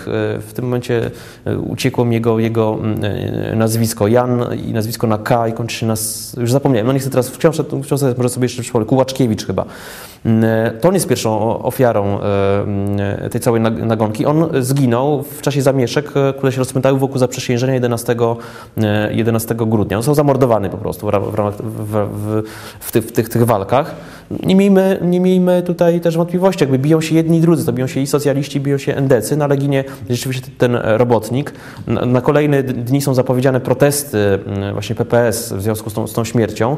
Mm, w czasie obrad Sejmu 14 grudnia, mm, co ciekawe, endecja chce e, powołania komisji śledczej sejmowej do wyjaśnienia zamieszek, które rzekomo wywołali socjaliści 11 grudnia. PP, PPS chce powołać własnej komisji śledczej do wyjaśnienia tej sytuacji sytuacji. Mniejszości chcą też e, e, jakiejś komisji. No, walka na komisje śledcze, skąd my to znamy, prawda? Ale to jest rzeczywistość tego momentu i rzeczywiście no, no, no to mm, to, to, to, to wtedy się, się pojawia. Ta atmosfera jest bardzo, bardzo zaogniona. No jakby w tej całej atmosferze dochodzi wreszcie do mm, e, tragicznego wydarzenia z, 20, mm, z 16 grudnia. Właściwie to był pierwszy dzień takiego pełnego urzędowania e, Narutowicza. On podjął jako prezydent jedną e, e, tylko decyzję, mianowicie akt łaski wobec pewnego Ukraińca skazanego na, na karę śmierci. No w sumie no, no, no, jako, w jakiś sposób jest dobrze, że akurat takim czynem się przeszedł do historii jako prezydent, prawda? Jako właśnie ułaskawiając tego, tego Ukraińca. On rano 16 grudnia był E, na mm, audiencji u prymasa Kakowskiego, też jakby wyciągając rękę ku, e, ku tym bardziej konserwatywnym elementom społeczeństwa, jego oskarżono o, o, o ateizm, był bezwyznaniowcem, ale złożył zaprzysiężenie z, z, z całą tą jakby otoczką religijną, to znaczy w takim dopomóż Bóg, w Trójcy Jedyny i tak, i tak dalej, tak więc mm, rzeczywiście on jakby ugiął się pod, jakby, czy, czy stwierdził, że, że warto jednak tutaj jakieś to mm, e, dla większości społeczeństwa ważne, mm, ważne odnośniki zawrzeć. I tak więc nie był jakimś uwolniającym ateistą, był też takim agnostykiem, bezwyznaniowcem. I to ciekawe, prawdopodobnie to znamy z zapisków Kakowskiego, ale też nie ma jakby powodów stwierdzić, że jakoś kłamał czy konfabuluje. On podobno no, też Narutowicz, który wtedy był no, bliski załamania nerwowego, on był strasznie przeżywał tą, tą sytuację, był w olbrzymim stresie, jakoś w całych emocjach, właśnie tak spontanicznie jakoś ukląkł się wyspowiadał przy, przy, przy, przy, przy, przy prymasie. I on od tego prymasa wyjechał do, właśnie do Zachęty, do Towarzystwa Zachęty, gdzie była otwarta e, wystawa, taka sezonowa na rok 2023. To była taka tradycja, że naczelnik państwa, Piłsudski jeszcze, e, corocznie udawał się na, e, na taką wystawę. I e, Narutowicz postanowił e, tą tradycję po, powstrzymać. No i wtedy dochodzi do znanych pewnie Państwu wydarzeń, tego też nie będę mm, analizował. E, prawda, Narutowicz wchodzi, nie zdejmuje futra, bo jest zimno, wchodzi na pierwsze piętro, sala numer jeden, ogląda obrazy, staje przed obrazem Szron Teodora e, Ziomka, e, jakby stoi, ogląda ten obraz, wtedy Niewiadomski, który jest w tym tłumie, które też jest na, otwarciu, wyciąga swojego Browninga, którego jeszcze ma z, czas, z czasów wojny polsko-bolszewickiej i trzy razy strzela w plecy Niewiadomskiego, niewiadom, Narutowicza. Narutowicz mniej więcej o 12.12 umiera. E, Niewiadomski, nie było żadnej takiej ochrony, nie było boru wtedy jeszcze, prawda. Rzeczywiście no, Narutowicz też nie chciał jakby, chciał pokazać, że jest otwarty i nie chciał tej ochrony za bardzo mieć. Nikt się nie dziwił tym, że Niewiadomski tam jest i wszedł na to piętro, bo był, bo był po prostu malarzem, który zresztą wystawiał swoje dzieła w Zachęcie, akurat nie podczas tej wystawy, ale wcześniej. On działał od lat w tym towarzystwie Zachęty, tam był osobą powszechnie znaną i to nikogo nie zdziwiło, że ten Niewiadomski tam jest i czy on sobie wchodzi na górę e, e, i staje tam w sali z obrazami, bo to też przyjęte, że, że, że artyści właśnie też stoją przed swoimi obra obrazami. Akurat on tam swojego obrazu nie miał, no ale w każdym razie to się jakoś mieściło w e, ogólnie przyjętych zachowaniach. Nikogo ten Niewiadomski tam mm, nie zdziwiła, żadnych rewizji, prawda, czy bramek wykrywających metalnie przecież nie było. No i tak jak gdyby mamy, mamy te, te wszystkie elementy układanki, czy, czy, czy większość. Z jednej strony osobowość yy, Niewiadomskiego, z drugiej strony ta specyficzna yy, sytuacja no, no, no, polityczna, tej, tej atmosfery politycznej, która się, yy, się wytworzyła. No, gdyby do tego jeszcze dołączymy sposobność, prawda? Niewiadomski dowiaduje się, z, yy, z, to nawet nie było ogłoszone w gazetach, ale on się dowiadał po prostu swoich jakichś tam w tych środowiskach się, się obracał, się dowiedział, że Niewiadomski, Narutowicz na, tej, yy, na tym otwarciu ma być, no, tak więc miał też osobność. Po prostu zobaczył, otworzyło mu się zielone światło, że, e, że oto mm, jest to sposobność, żeby usunąć ten symbol, jakim był dla niego mm, e, e, Narutowicz. No właśnie, dlaczego Narutowicz, skoro miał być Piłsudski? Jak już powiedziałem, teraz może to jest bardziej jasne, Piłsudski Narutowiczowi dostało się jak gdyby siłą, siłą rozpędu. To znaczy, skoro Piłsudski nie został tą głową państwa, tym symbolem II Rzeczypospolitej, no to, no to trafiło nam na Narutowicza. Chyba najbardziej, e, najbardziej takie wstrząsające w czasie procesu, co mówi e, Niewiadomski, jest e, to. On dosłownie mówi tak, że Narutowicz jako człowiek dla mnie nie istnieje. On tak to mówi. To jest przerażające. No, Niewiadomski nie, nie zabija Narutowicza w afekcie. On go nie, nie nienawidzi. On nienawidził Piłsudskiego. E, on wręcz mówi, że może to był, on ma głęboki, jest głęboko przekonany, że to był szlachetny człowiek, że to był przyzwoity człowiek. On wręcz bezczelnie no, zwraca się do rodziny, żeby on chce specjalnie to mówi w, e, dla rodziny e, Narutowicza, żeby nie, nie, pomyślała sobie, że on to jak gdyby ma tu coś do, do Narutowicza jako do Narutowicza. Nie, nie, nie, nie. On mówi, że być może to był szlachetny człowiek, być może, no, jego sprawa. On zabija. Mm, on zabija symbol, on zabija symbol II Rzeczpospolitej, on zabija głowę państwa. Gdyby zupełnie nie, nie, widzi tego, czy nie chce dostrzec tego, że zabija jednocześnie drugiego człowieka po prostu. I to jest najbardziej chyba wstrząsające w Niewiadomskim. On myśli jakąś symboliką, on myśli kategoriami politycznymi, on realizuje ten swój światopogląd od, niezależnie od, od, od, konsekwencji społecznych czy etycznych swojego, swojego czynu. Zresztą mówi wprost, że on się przyznaje do czynu, a nie przyznaje się do winy. On z żadnej skruchy nie, nie wyraża. To jest świetnie pokazane przez Marka Walczewskiego w tym filmie Zabić prezydenta. Gdzie rzeczywiście są te takie, takie, takie, takie, są tylko przerywniki właściwie. Jest kilka, kilka wejść tego Walczewskiego, który właściwie stoi przed, ciem, przed samą kamerą, ma ciemne tło z tyłu i wypowiada te kwestie e, Niewiadomskiego, prawda? I to rzeczywiście jest bardzo dobrze zagrane. I w tym momencie właśnie mówi, że on się do winy nie, nie poczuwa i, i patrzy tak specyficznym wzrokiem w kamerę. To rzeczywiście, to rzeczywiście robi wrażenie i moim zdaniem dobrze odbiera e, od, jakby symbolizuje rzeczywistą postawę mm, e, Niewiadomskiego. To jest w pewnym momencie, ja bym to nazwał socjopatią, tylko nie, nie w znaczeniu medycznym, tylko w takim znaczeniu etymologicznym. Medycznym to nie, nie wiem po prostu. Czyli po prostu osoba, która nie potrafi funkcjonować w społeczeństwie, znaczy nie, nie, nie potrafi przewidzieć skutków swoich działań e, no, no w, w, w rzeczywistości społecznej, prawda? On zabija symbol, on zabija głowę państwa, on zabija e, tą... ten symbol II Rzeczypospolitej, która jest kierowana przez Żydów, Piłsudczyków i, i lewicowców, ani zabija człowieka. To jest rzeczywiście przerażające. Tego strzały w plecy prezydenta to jest jakiś, jakiś taki wyraz gwałtownego nie wobec rzeczywistości, który, która, która dla mm, Niewiadomskiego staje się już nie do zniesienia. Mm, tak więc Narutowicz no, dostał siłą rozpędu, mówiąc, mówiąc bardzo mm, brzydko. E, I teraz, co się dzieje mm, e, e, dalej? To już może ostatnia część, którą chcę, chcę poruszyć, bo też może jeszcze jakieś, jakieś pytania. Chyba, nie mam godzinę czy półtorej, jak to jest? Przy... Mamy, tak, a to dobrze, bo tutaj jeszcze parę wątków. To może jeszcze chciałem powiedzieć, co, co się dzieje po śmierci Narutowicza, a później właśnie w ramach podsumowania chciałbym się zastanowić, co by było gdyby. Oczywiście tak już troszeczkę może prowokując, czy tak trochę już może, no, no, no może nie z przymrużeniem oka, bo to nie jest właściwie stwierdzenie do tej tragicznej sytuacji, ale z takim już może mniejszym kalibrem naukowym, czy jakimś takim, takim y, to, to znaczy tak. E, rzeczywiście ton prasowy się bardzo zmienia. E, nagle przez kilka, może kilkanaście godzin e, zostaje zawarty pewien rozejm między tymi różnymi siłami politycznymi, przynajmniej w wymiarze prasowym, ale też politycznym i, e, i rzeczywiście jest taki no, ton no, żałoby i kondolencji, ale on bardzo szybko mija. Już właściwie 18 grudnia mamy e, początek no, takiej cynicznej gry, która instrumentalizuje śmierć Narutowicza z jednej, a morderstwo Niewiadomskiego z drugiej strony do bieżącej walki politycznej i realizacji tych politycznych celów. Niestety tak działa polityka. E, od razu właściwie tę postać i Niewiadomskiego Nartowicza gdzieś schodzą na drugi plan, a liczy się jakby bieżące zinstrumentalizowanie tych wydarzeń do budowania własnego kapitału politycznego. No, to jest dość, dość przykre, ale tak to, tak to wygląda. Czyli e, Lewica oczywiście zaczyna od razu e, twierdzić, że tak naprawdę Niewiadomski to był tylko ramieniem, a głowa czy reszta ciała, że tak powiem, to jest endecja.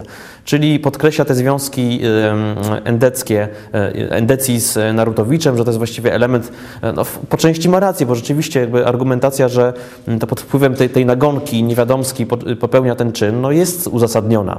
Mm, może to nie jest wystarczająca argumentacja, ale jest ona jak najbardziej uzasadniona, ale oczywiście promuje, gdyby też nie, niezgodnie jednak z prawdą pokazuje te związki ścisłe mm, e, Niewiadomskiego z Endecją. To jest o tyle nieprawdą, że rzeczywiście w tym momencie, jak już mówiłem, Niewiadomski był outsiderem, był ideowo bardzo bliski Endecji, natomiast środowiskowo już z tymi, tymi osobami właściwie się nie kontaktował. On nie miał tutaj nie był działaczem e, endecji, a oczywiście e, prawica zaczyna sugerować w takim pierwszym odruchu, że to jest szaleniec, że to jest zupełnie niezrównoważona osoba, jakiś wyrzutek, on nie ma z nami nic wspólnego, co to są za jakieś podłe insynuacje.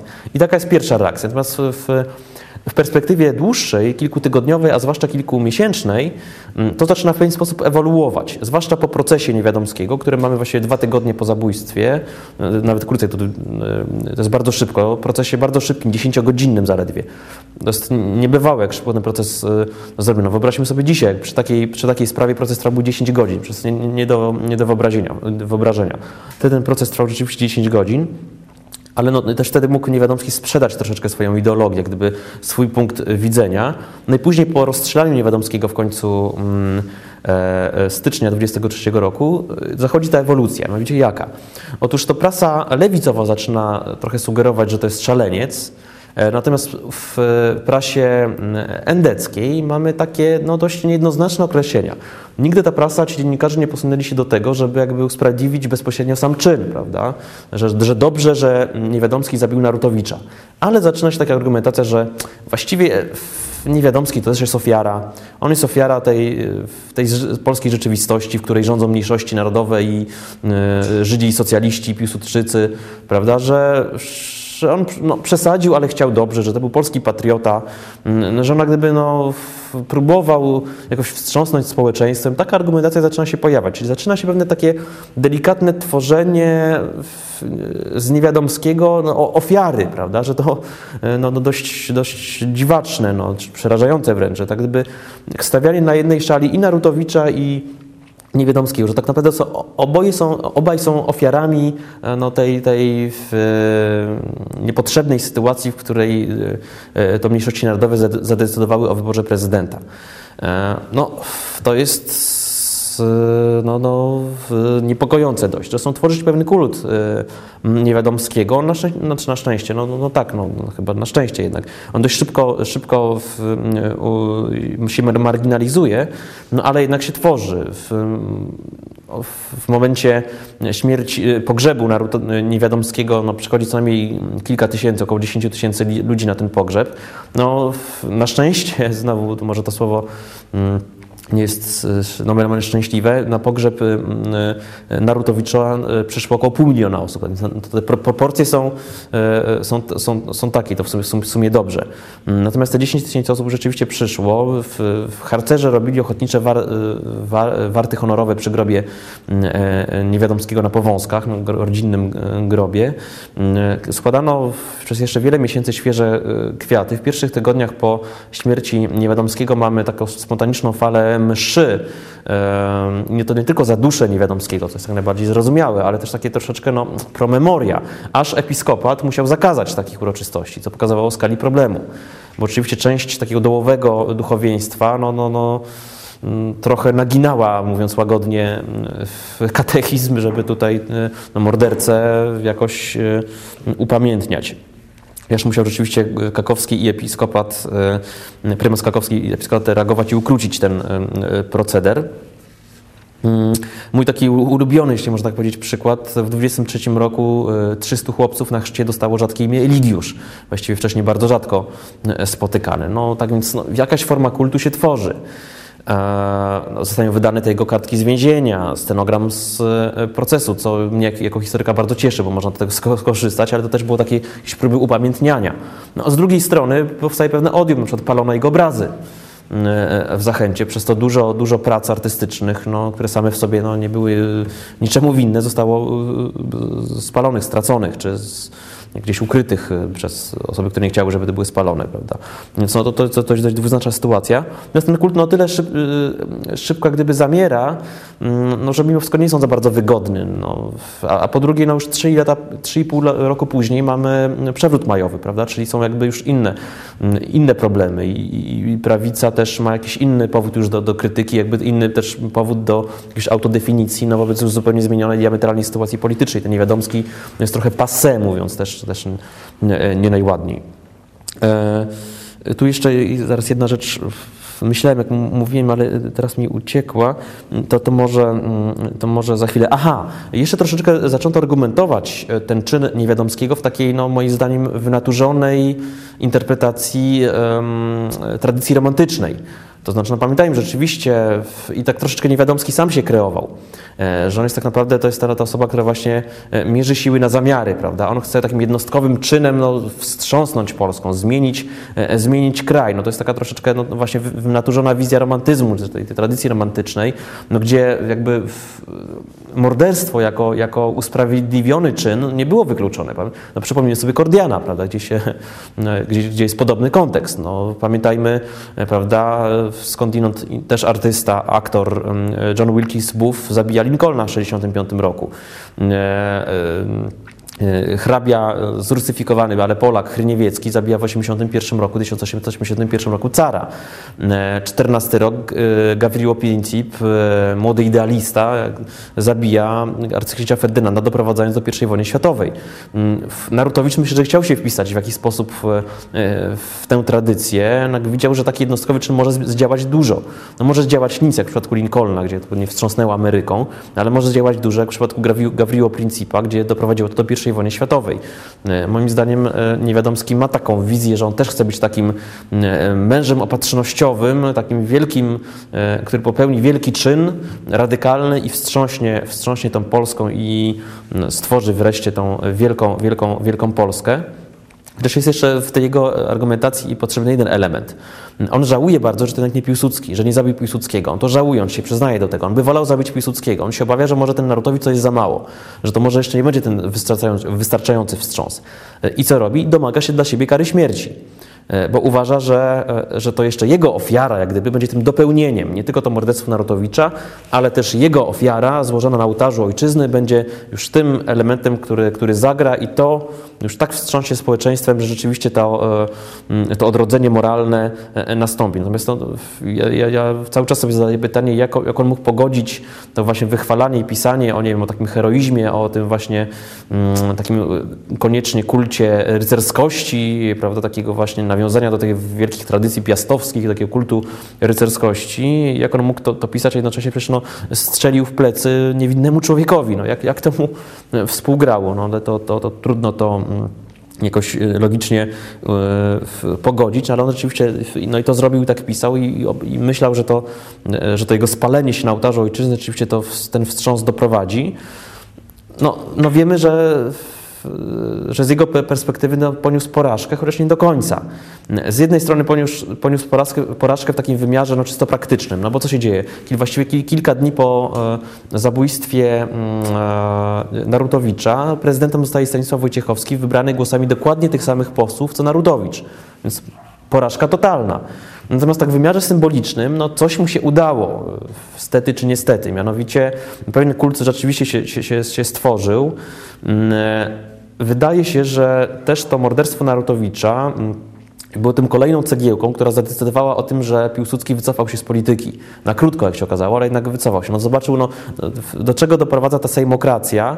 Z jednej strony no, wycofał się, ale być może to też był jakiś czynnik, który później łatwiej skłonił mu dokonać przewrotu majowego. No, bo on miał tyle głowy morderstwo Narutowicza, jako to wynaturzenie e, sejmokracji, która w tym pierwszym odruchu zniechęciła go do tego całego systemu i kazała mu się schować w Sulejówku, ale z drugiej strony, no, jak gdyby później, e, kiedy się narodził już ta idea przewrotu majowego, no może zmniejszyła jego opory przeciw, przeciw temu przewrotowi. Tak więc w takim wymiarze długofalowym być może to ta śmierć Narutowicza miała większe znaczenie. No ale to nadal nie zrealizowało wizji, e, e, wizji e, niewiadomskiego.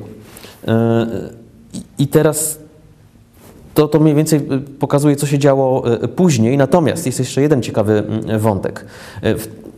Rzeczywiście na te kilka godzin, co najmniej, czy nawet może na kilkanaście godzin po śmierci Narutowicza, no, Niewiadomski w pewien sposób osiągnął to, co chciał, mianowicie wprowadził w kraju, kraju chaos. Pamiętajmy, że wtedy nie ma rządu właściwie, bo rząd się podał do dymisji wraz z nominacją prezydencką, z zaprzysiężeniem prezydenta, przekazaniem władzy przez naczelnika państwa Piłsudskiego Narutowiczowi. No nie ma prezydenta właśnie. Teoretycznie takim interreksem powiedzmy jest Maciej Rata, ale on za bardzo nie wie jak się zachować. Próbuje zwołać tych zdymisowanych e, e, ministrów i rzeczywiście no, w pewien sposób można powiedzieć, że władza leży na ulicy. I co więcej, narodził się pewien e, no, no, spisek czy pomysł czy takiego średniego szczebla Piłsudczyków, żeby tą władzę z tej ulicy wziąć. I rzeczywiście to jest udokumentowane, to, to, to, to, to, to dlatego to, to mówię. E, narodził się wśród takich średnich właśnie średnich, średnich oficerów mm, piłsudczykowskich pomysł, żeby teraz marszałek przejął, przejął władzę i zaprowadził porządek. I rzeczywiście zaproponowano, to były to rozmowy. E, nie wiadomo do końca, czy pośrednio, czy bezpośrednio to marszałkowi zaproponowano, ale sam marszałek był po pierwsze niechętny temu za bardzo, e, a po drugie mocno też zaponował Ignacy Daszyński, socjaliści. Dlatego ten spisek, no spisek, czy jakiś pomysł spalił na panewce, a już w nocy z 16 na 17 grudnia e, Piłsudski wraz z Ratajem zgodzili się, że to Władysław Sikorski ma być tym, tym przejściowym premierem, rzeczywiście no, człowiekiem, który no, no, no, już trochę konkurentem Piłsudskiego, ale jednak mającym e, no, wojskowym, prawda, który może te, te rządy silnej ręki zaprowadzić, zaprowadzić spokój e, w Polsce. No, można powiedzieć, że w pewnym momencie, no może nie stan wojenny, ale stan wojenny, wyjątkowy wprowadził w Polsce, bo i wojsko jest na ulicach i mamy godzinę policyjną, tak więc rzeczywiście sytuacja jest, te metody są dość drastyczne, ale rzeczywiście sytuacja się w kraju uspokaja i od 17 grudnia mm, możemy powiedzieć, że ten, ten wizja anarchii została, została oddalona. E, no ale taki, taki wątek się pojawił. Oczywiście jest ten element, że to był spisek endecji e, przeciwko Narutowiczowi, tylko że Niewiadomski był jakby ramieniem endecji. No jak to z stereami spiskowymi trudno jest je obalić, ale trudno jest je udowodnić. Jak widzimy, to pewne elementy są, natomiast no, ja bym tutaj y, ich za bardzo nie, nie ciągnął. No, były jeszcze takie dość tajemnicza sytuacja tych anonimów, które dostawał Narutowicz, łącznie z anonimem, który przewidział dokładnie co do dnia mm, moment śmierci Narutowicza. E, był, była tajemnicza kartka, którą znaleziono w kieszeni e, płaszcza e, Niewiadomskiego, która była czystą kartką, tylko było na niej napisane Eligiusz Niewiadomski. Się nie wiadomo, nie wiadomo skąd ta kartka mm, się wzięła. Od razu pojawiły się teorie, że być może był jakiś spisek i po prostu e, Niewiadomski, było ciągnięcie losów i Niewiadomski wyciągnął swoje nazwisko i to on miał, on miał zamordować Narutowicza. Ja w to nie wierzę, to nie pasowało zupełnie do, do Niewiadomskiego. On był panem samego siebie, on był już tak sfiksowany w tym momencie na jakimś marginesie, że moim zdaniem nie był, e, nie był skłonny i nie byłby w stanie nawet jakoś współdziałać w jakiejś większej grupie. Chociaż pojawiły się później teorie, one w jakiś sposób istnieją do dzisiaj, że być może on był jakoś podjudzany czy podpuszczany e, pośrednio przez, przez właśnie zwolenników, przez radykałów piłsudczykowskich, którzy chcieli, byli zainteresowani w tej anarchii, żeby właśnie przejąć władzę. No ale to, to, też trudno sobie wyobrazić, jak to miałoby, miałoby wyglądać. To musiano, musieliby ci Piłsudczycy w ogóle wiedzieć, że taki niewiadomski istnieje, co nie było takie oczywiste. No był jakoś no, no, znany i istniał, no, ale mówię, on był na marginesie, tak więc no, no kto, kto mógł wiedzieć, że on zaplanuje zamach na... Piłsudskiego, no to trochę się wszystko nie za bardzo trzyma, e, trzyma, trzyma kupy, no chociaż pewne, pewne elementy e, na pewno istnieje, da się jakoś pociągnąć. No jest charakterystyczne to, i to jest też taki dość koronny argument zwolenników teorii spiskowych, niezależnie czy tych prawicowych, czy lewicowych, e, że, na, że podczas procesu bardzo ucinano te wątki. W ogóle nie rozstrzygnięto sprawy, sprawy tych anonimów, nie rozstrzygnięto sprawy tej kartki, no, nie rozstrzygnięto też takiego wątku, który podjął jeden z, z, z oskarżyciel, czy, czy oskarżyciel posiłkowy, już nie pamiętam, bo było dwóch oskarżycieli. Jeden jako jakby w, no, no, z racji morderstwa, drugi jeszcze w, z racji szkód, jakie Niewiadomski wyrządził rodzinie Narutowicza, było dwóch. E, że, że właściwie jeszcze przed śmiercią Narutowicza gdzieś w Lwowie pojawiły się jakieś, jakieś pogłoski, że, że Narutowicz już nie żyje na przykład. Tak jakby trochę antecedencja tego, co się stało tam dwa dni później. No. A te takie różne wątki, dość egzotyczne, no ale jednak w jakiś sposób e, ważne przy takiej wielkiej sprawie, zostały ostro ucięte. No oczywiście się zaczęła spekulacja, dlaczego, że tutaj sąd chciał coś ukryć, nie chciał e, jakichś niewygodnych spraw na, na wierzch wydobywać. No, moim zdaniem to, to, to jest trochę naciągane. Ważniejsze było co innego. E, sąd, najgórnie władze chciały się po prostu wykazać. Chciały się pokazać efektywnością, skutecznością i szybko po prostu dokonać do, te, tego, tego e, skazania i wyroku, żeby właśnie wykazać się skutecznością, że państwo mimo takiego ciosu potrafi skutecznie funkcjonować. Po drugie, e, nie chciano też za bardzo przeciągać procesu procesu, żeby nie zrobić z tego procesu trybuny e, takiego tuby propagandowej dla samego Niewiadomskiego, który rzeczywiście sprzedawał te swoje wizje podczas tych 10 godzin. One szły w jakiś sposób e, do opinii publicznej, bo były zapisywane, później te, właśnie mówię, te przemówienia jego były drukowane, tak więc myślę, że chciałem też to ukrócić, żeby on za bardzo, za bardzo siebie nie lansował, już mówiąc, mówiąc brzydko. I no może to jest takie bardziej zgrzebne wytłumaczenie, a moim zdaniem bardziej, bardziej prawdopodobne niż te teorie spiskowe. I wreszcie wątek, co by było gdyby. Tak na zakończenie, jakbyśmy się mogli, mogli, mogli w, w to pobawić. E, z jednej strony tak, na pewno e, troszeczkę nie wiem, nie wiem dlaczego, a może trochę wiem. Mm, ta, śmierć Narutowicza no, nie jest takim pierwszoplanowym tematem, jeśli chodzi o debatę publiczną dzisiejszą, prawda? Nawet o, o międzywojniu. No, może teraz się trochę więcej mówiło, była rocznica, ale tak ogólnie to, o czym się mówi w, jeśli w kontekście międzywojnia. No, przewrót majowy, Piłsudski, Dmowski, mm, numerus clausus, prawda, getta ławkowe, Bereza Kartuska, e, E, polityka Beka, prawda, teraz czy, czy właśnie ostatnio, prawda, że Beck powinien z, z Ribbentropem e, paktować. No w takim to się pojawia e, kontekście. Natomiast to, to zabójstwo Narutowicza gdzieś idzie na bok. Dlaczego? No może dlatego, że, że, że znajdujemy tutaj proste rozwiązanie, że to był czyn szaleńca, no zamordował Narutowicza, no trudno, no takie przykre wydarzenie, no, ale no, no, co, co tu więcej można z tego wydobyć? Moim zdaniem to jest więcej niż czyn, czyn szaleńca. E, no jest pytanie, czy gdyby nie ta kampania, cała nagonka antyprezydencka, to Niewiadomski zabiłby Narutowicza, czy nie. Być może tak, być może tak, natomiast nie ulega wątpliwości, że, że ta kampania była może tym odpaleniem tego lądu na rzeczywiście istniejącą już be, beczkę z prochem, którym był e, Niewiadomski, ale może on tego podpalenia lądu potrzebował. E, Wyobrażam sobie sytuację, że jak nie, nie Niewiadomski, to jakiś inny radykał, którego może teraz nie znamy, który gdzieś w anałach historii e, przepadł, by, by to zrobił. To, to, moim zdaniem jest, jest możliwe, jest prawdopodobne. Tak więc to musiały zagrać dwa, dwa e, czynniki, to jakby te, te dwa elementy układanki. Z jednej strony niewątpliwie e, wyjątkowa, jednostkowa okoliczność, jakim jest Niewiadomski, ale z drugiej strony jednak pewien kontekst mm, polityczno-społeczny, który się wytworzył no i który, i który, czy nam się to podoba, czy nie, coś nam o tej II Rzeczpospolitej naturze mówi. Mm, no to przecież nie były tylko niewiadomskie, ale to były tysiące osób, które protestowały. To jest dziesiątki tysięcy osób, które tą gazetę poranną dwa grosze kupowały. To są te bojówki, no to, są, to jest ta atmosfera, to są ci posłowie. No, no to się znikąd nie wzięło.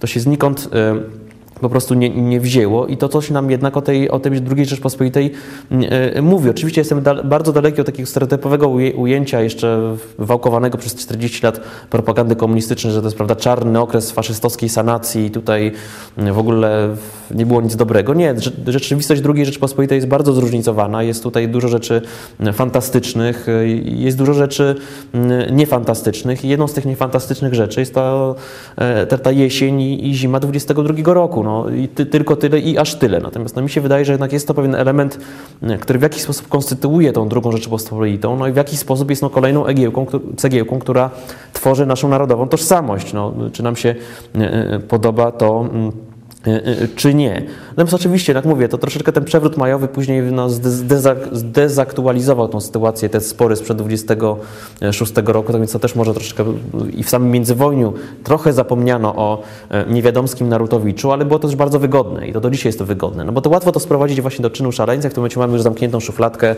nie musimy się tym mm, e, zajmować. A może, a może, y, a może, a może warto. Mm, no właśnie, co by było gdyby? E, co by było, gdyby Narutowicz przeżył na przykład? E, moim zdaniem niewiele by się zmieniło. Oczywiście to jest znowu gdybanie.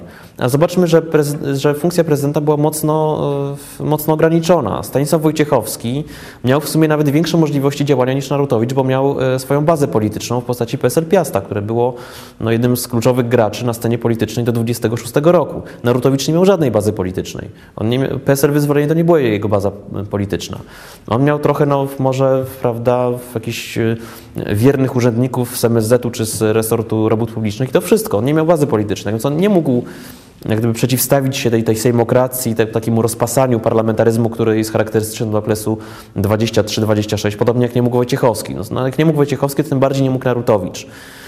Choć może być osobą troszeczkę, no nie wiem, większego formatu intelektualnego niż Wojciechowski, no ale to, to było za mało. Tak więc moim zdaniem, gdyby Narutowicz przeżył, wcześniej czy później do przewrotu majowego i tak by doszło. Czy wcześniej, czy później, czy w takiej formie, czy był to przewrót majowy, czy grudniowy, czy listopadowy, czy lipcowy, tego mm, nie wiemy. Natomiast... E, no, w, ty, w tym sensie Niewiadomski wiele nie zmienił, no, oprócz tego, że zabił drugiego człowieka, że no on nie przenicował, nie przewartościował, nie zmienił jakościowo mm, tej sceny politycznej, no bo ona była tworzona przez, e, jakby wpuszczona w kolejny konstytucji marcowej i tutaj z tych kolejn ona nie została mm, e, wytrącona. Mm. Natomiast czy to, czy to znaczy, że o tej sytuacji nie, nie możemy, czy, czy nie, nie, warto mówić? No moim, moim, zdaniem jednak, jednak nie. No to, że Niewiadomski nic nie zmienił, no nie zmienia faktu, że, że, że ten czyn, który popełnił Niewiadomski, no był, był, był znaczący, był elementem tej, tej rzeczywistości. No cały czas bym bronił e, e, to zdanie. No można się pytać, po co nam Niewiadomski dzisiaj, prawda? No po co nam Narutowicz? No to możemy sobie łatwo odpowiedzieć, no bo to był jednak pierwszy prezydent Rzeczypospolitej, tragicznie zmarły, no należy upamiętać jego, jego cześć i bardzo słusznie, że to robimy. W takim razie po co nam Niewiadomski, prawda? Czy warto no, postać e, przypominać, no, czy nie warto się skupić po prostu na Narutowiczu? No moim zdaniem potrzebny jest ten Niewiadomski właśnie, żeby troszeczkę więcej wiedzieć o tym, o tym dwudziestoleciu, żeby jak gdyby widzieć pewne uwarunkowania. No. Przez biografię mm, Niewiadomskiego jak w soczewce, czyli w sposób bardzo przejaskrawiony, wyolbrzymiony, wynaturzony, ale jednak widać pewne elementy charakterystyczne dla e, rzeczywistości e, intelektualno-politycznej e, okresu przełomu XIX-XX wieku, odzyskania niepodległości i pierwszych lat II Rzeczpospolitej. Przez tą postać, no może, to jest taki wytrych troszeczkę, można, jeśli nie klucz, do otwierania kolejnych pewnych ścieżek anali, analitycznych, no, no, sięgających właściwie tego okresu życia, w których żył mm, Niewiadomski, no i tego okresu życia, w którym żył, mm, żył e, Narutowicz. Może no, chciałbym, chociaż oczywiście, oczywiście pisze się i mówi, że historia to nauczycielka życia, tylko jakoś nie ma uczniów, prawda? Tak więc moim zdaniem ta historia jest nauczycielką życia, tylko nikt tych lekcji jakoś nie chce brać, no, ale dobrze byłoby, gdyby mm, historia Niewiadomskiego, czy to tego zabójstwa była jakąś przestrogą, prawda? No, do czego jednak może prowadzić no, ta, ta polaryzacja afektywna, prawda? Może przestrogą dla polityków przed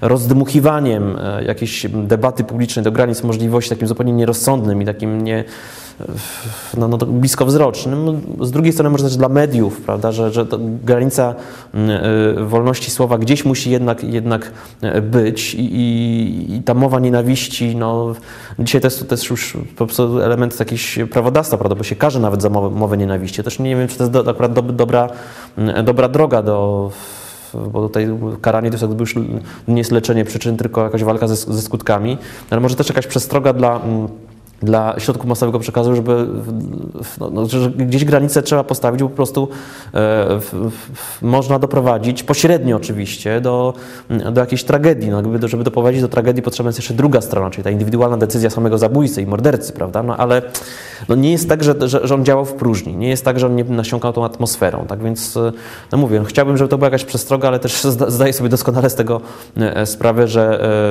że, że moje chcenie jeszcze mm, do niczego E, nie prowadzi. Może tym mało optymistycznym e, wątkiem chciałbym e, zakończyć, też licząc, że może ktoś z Państwa chciałby wdać się w dyskusję, w uzupełnienie, w polemikę, w krytykę, żebyśmy też mogli po jakąś interakcję wprowadzić w, ten, w to spotkanie. Tak więc bardzo dziękuję i, i liczę na jakieś głosy. Czy mamy pytania? Mam pytanie. Państwo po prostu już mają dość Niewiadomskiego. Ja mam pytanie. Tak, Moja wiedza na ten temat jest zupełnie zerowa, więc pytanie jest proste. Chciałem jak były w ogóle postrzegane mniejszości narodowe na początku II Rzeczypospolitej. Na przykład skąd wzięły takie zjawiska dla mnie zdumiewające jak pogromy Żydów przez Polaków w 1913 roku w Lwowie. W ogóle... Mm -hmm. To jest pytanie i łatwe, i trudne. Trudne jest dlatego, że nie dysponujemy na przykład takimi y, twardymi danymi socjologicznymi, prawda? Nikt nie prowadził, jeszcze nie było tak rozwinięte, jakichś takich twardych ankiet socjologicznych, które pozwoliłyby nam podać twarde dane, jak wynikają, jak się rozkłada kwestia ksenofobii, nastrojów narodowościowych, stosunków międzynarodowościowych. Tak więc nie, nie potrafię dać Panu danych statystycznych pokazujących, ilu Polaków było antyżydowskich, ilu było prożydowskich, ilu było obojętnych. Tego po prostu nie wiemy. Pogromy zachodziły oczywiście, podobnie jak jak, zachodziły, znaczy pogromy. Ja bym to, może to, to słowo troszeczkę się strywializowało moim zdaniem niepotrzebnie, bo to jednak jest już taki najwyższy kaliber i ja, ja, ja bym to, mm, te pogromy e, zarezerwował dla sytuacji, w których dochodzi ofiar śmiertelnych. Takie się, się ale, też, ale to były jednak wyjątki. Były po prostu jakieś zamieszki, nie wiem, ruchawki, w, zamieszki, może tak, jakieś, jakieś bijatyki, e, no, ale też w, w mniejszym stopniu e, pogromy. One zachodziły właściwie w, w interakcje nie tylko między Polakami Żydami, ale między Polakami i Ukraińcami, nawet Polakami Czechami, Czechami a Ukraińcami, Ukraińcami a Żydami. E, już nie mówiąc o całym wątku bolszewickim i jeszcze armii niemieckiej, która na przykład w 18-19 roku właściwie jeszcze wraca ze z frontu wschodniego. To jest konglomerat, taki tygiel narodowościowy, no, w którym i Polacy Polacy i Żydzi to jest jakby jeden element większej um, układanki i oni jakby wchodzą w relacje antagonistyczne na, na, różnych poziomach, to nie tylko Polacy i Żydzi. To jest jak gdyby no, efekt, ja, ja myślę, że to jest efekt nie tylko samego antysemityzmu, czy jakiegoś takiego tkwiącego jakiejś ksenofobii narodowej, tylko po prostu momentu wojny, w którym mamy tygiel narodowościowy, te narody jakoś się przetasowują, e, jeszcze w kontekście wojny to po prostu prowadzi do takich mm, e, e, rozwiązań. Natomiast no, no, to odpowiedź jest prosta. No, jedna trzecia obywateli polskich, tego kraju, który wychodzi z wojen tak w 21 roku, nie jest narodowości polskiej. No to musi powodować konflikty. No, dziwiłbym się, jakby nie powodowało niestety, chociaż najlepiej, jakby nie, nie, nie powodowało. Pamiętajmy, że w Niemczech, e, już nazistowskich, jest 200 tysięcy Żydów, co nie przeszkadza Hitlerowi rozpocząć całej chorej ideologii nazistowskiej i rasistowskiej. Tak więc to u nas tych, tych Żydów jest co najmniej 3 miliony, prawda? Wszystkich mniejszości narodowych e, może i 7-8. Tak więc no, no, po prostu demografia tutaj decyduje. No to musi tworzyć jakieś problemy. I ja nawet, chociaż może to będzie specjalnie prowokacyjnie, wręcz nie zdziwiłbym się, gdyby te, te pogromy i problemy były większe. Wyobrażam sobie naturalnie, że, że, że one mogłyby być większe. No oczywiście nieusprawiedliwia tych co, co były i tych nastrojów, które, które istniały. Ale to moim zdaniem decyduje po pierwsze demografia, em, nawet nie, samo przekonanie, jakieś, jakieś takie, takie immanentne cechy osobowościowe e, części społeczeństwa polskiego. No po prostu to, to nie, to, Żyd nie, nie wzbudza e, wrogości dlatego, że jest Żydem, ale że, że, jest ich, że, jest ich, że jest inny, jest ich dużo. O tak bym to ujął. Bo to są i Ukraińcy, i Niemcy, i Żydzi. Prawda? To są jakby trzy, e, trzy konglomeraty. Trzy, trzy grupy, które tworzą jeden, jeden konglomerat. Może tak. E, Co jest ciekawe, gdzie ma największe wpływy narodowa e, demokracja? Nie na wschodzie. Nie na wschodzie, gdzie ci Żydzi e, głównie i, są. Tylko e, w Poznańskiem, czy e, w, e, na zachodzie Polski, gdzie demograficznie Polaków jest, jest, naj, jest najwięcej proporcjonalnie. Więc jest co innego taki antagonizm po prostu mm, wynikający z jakichś stosunków demograficznych, są- sąsiedzkich. Po prostu jest tu, mm, no, to są inni. Zresztą dla Żydów Polacy też są inni, no, żeby, żeby, żeby było oczywiste. Że jest też problem z asymilacją, prawda? No, Rzeczywiście to są jakby kontakty między innymi zupełnie kulturami, między innymi światopoglądami, to siłą rzeczy robi, rodzi antagonizmy. Zresztą dwustronne. Natomiast e, rzeczywiście tworzy się też pewien antysemityzm intelektualny, jakkolwiek by to dziwnie e, nie zabrzmiało, propagowany przez Narodową Endecję, który rzeczywiście ma już taki, takie cechy ksenofobiczno-antysemickie sensu stricto. Znaczy to jest jakiś konstrukt ideowy, który jest promowany i staje się jak, jakimś e, punktem odniesienia dla danej, danego środowiska politycznego. I to jest właśnie, właśnie narodowa demokracja, to są środowiska endeckie, narodowo-demokratyczne. Czy to też nie jest takie oczywiste, bo one- są jednocześnie antyniemieckie mocno i będą antyniemieckie, jak Hitler dojdzie do władzy. Tak, to nie jest tak, że to mamy pol- polskich nazistów, prawda? To nie, wręcz przeciwnie. E, e, To, to, to, to oni Hitlera też bardzo mo- mocno później krytykują, no ale ten wątek antysemicki rzeczywiście tu jest wspólny i się powtarza. No i tak niejasno, albo po prostu nie, nie mamy danych statystycznych, takie, które by pokazywały nastroje społeczne w tym czasie. Nie ma takich badań niestety, bo one były przeprowadzone m, e, już w okresie na zachodzie, chociażby po 1945 roku, czy nawet w PRL-u obo pizzę, bo trochę takie robiło. Oczywiście one są specyficzne, ale, ale jednak pozwalają na pewne, pewne interpretacje. Tutaj takich badań nie było, tak więc to procentowo, liczbowo tego panu nie podam. Nie mam pytania, mm, taki y, postać, cała sprawa Narutowicza wypłynęła, zaczęła być interesująca y, mniej więcej, nie wiem, od, od roku, dwóch lat y, i zaczęła być obecna i publicystyce, gdzieś tam to się przewija. Tak, gdzieś- tak, tak. Y, Bardziej niż kiedyś. To nie bardziej niż kiedyś. Mhm. Ja sobie przypominam, nie pamiętam w którym roku był, wszedł na ekrany film Śmierć E, prezydenta. 77. 97. Rok, rok produkcji przynajmniej. I to, prawie 77. tak, tak, ale to gdzieś, Tak, tak. gdzieś tam tych czasów. Y, I y, ja pamiętam swoją, swoje wrażenia z tego filmu. No, zresztą nie, chyba nie byłem, nie były to tylko moje uczucie. Nieobecne były te tematy, które dzisiaj y, No, antysemickie tam są zupełnie marginalne. Tak. No to jest Na- po kampanii antysyjonistycznej, pamiętajmy. Na co, na, co się, na co ja zwróciłem uwagę i to było, co, co się przewijało w rozmowach wtedy. Yy, zachwyt nad parlamentaryzmem. Ten Sejm, w którym dyskutują o czymś, yy, kłócą się, są różne zdania. I to strasz, strasznie, strasznie nam się podobało. No, kontekście Polski Ludowej jest całkowicie zrozumiałe. Tak, no, dzisiaj widzę, że oni nie rozmawiali, właściwie rozmawiali o tym samym, co dzisiaj rozmawiają w Sejmie. O głupotach. No, O. Y, Natomiast dzi- dzisiaj jest inaczej.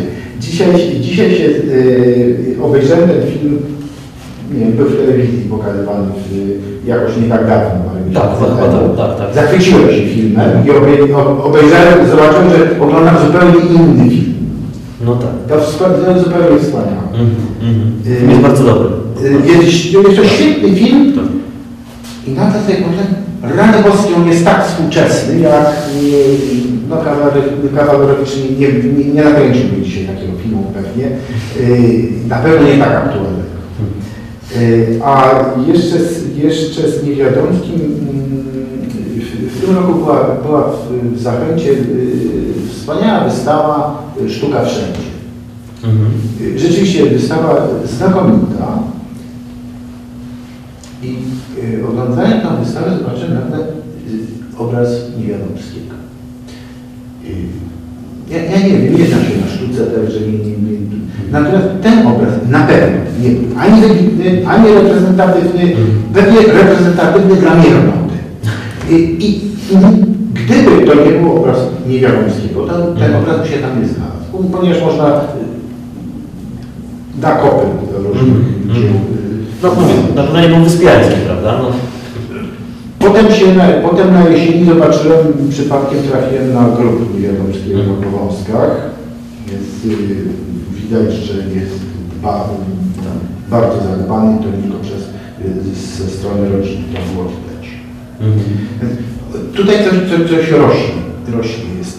Y, Byłem, byłem parę dni temu na pod Zachętą.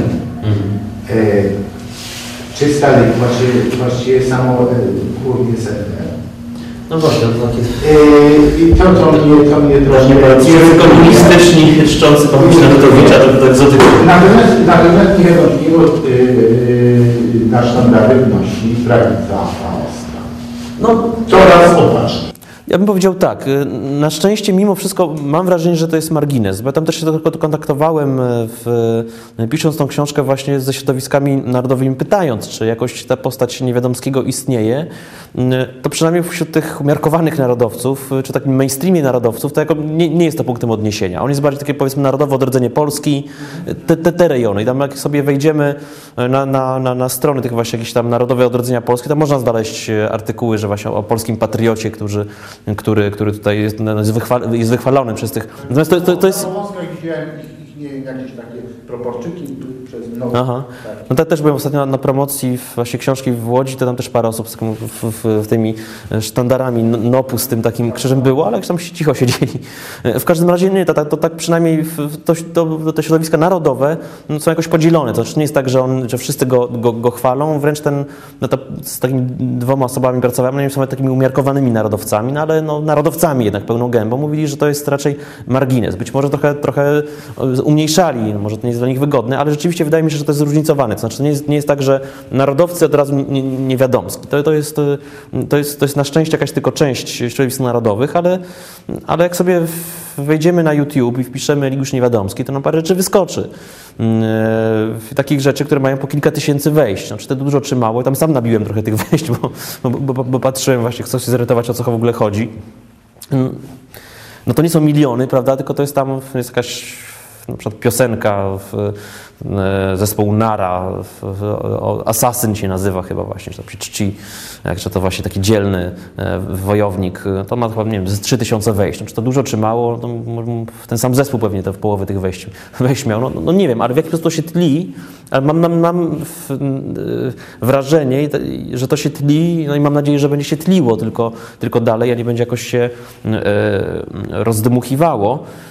Ale też no, w, w, niedawno, bodajże chyba, chyba rok temu, czy to, to właśnie nie pamiętam, czy już do końca nie pamiętam, czy to rok temu, czy, czy, czy na wiosnę w, Kraka, w, w Krakowie w, było parę plaka, plakatów wywieszonych o, Narutowiczu, gdyby e, mm, w takim duchu no, popierających ten jego czyn z 20 mm, e, drugiego roku. Tak więc gdzieś jakoś to... e, Wyś, gdzieś były plakaty, jak się porozwieszane na jakichś słupach. Niewiadomski, tak.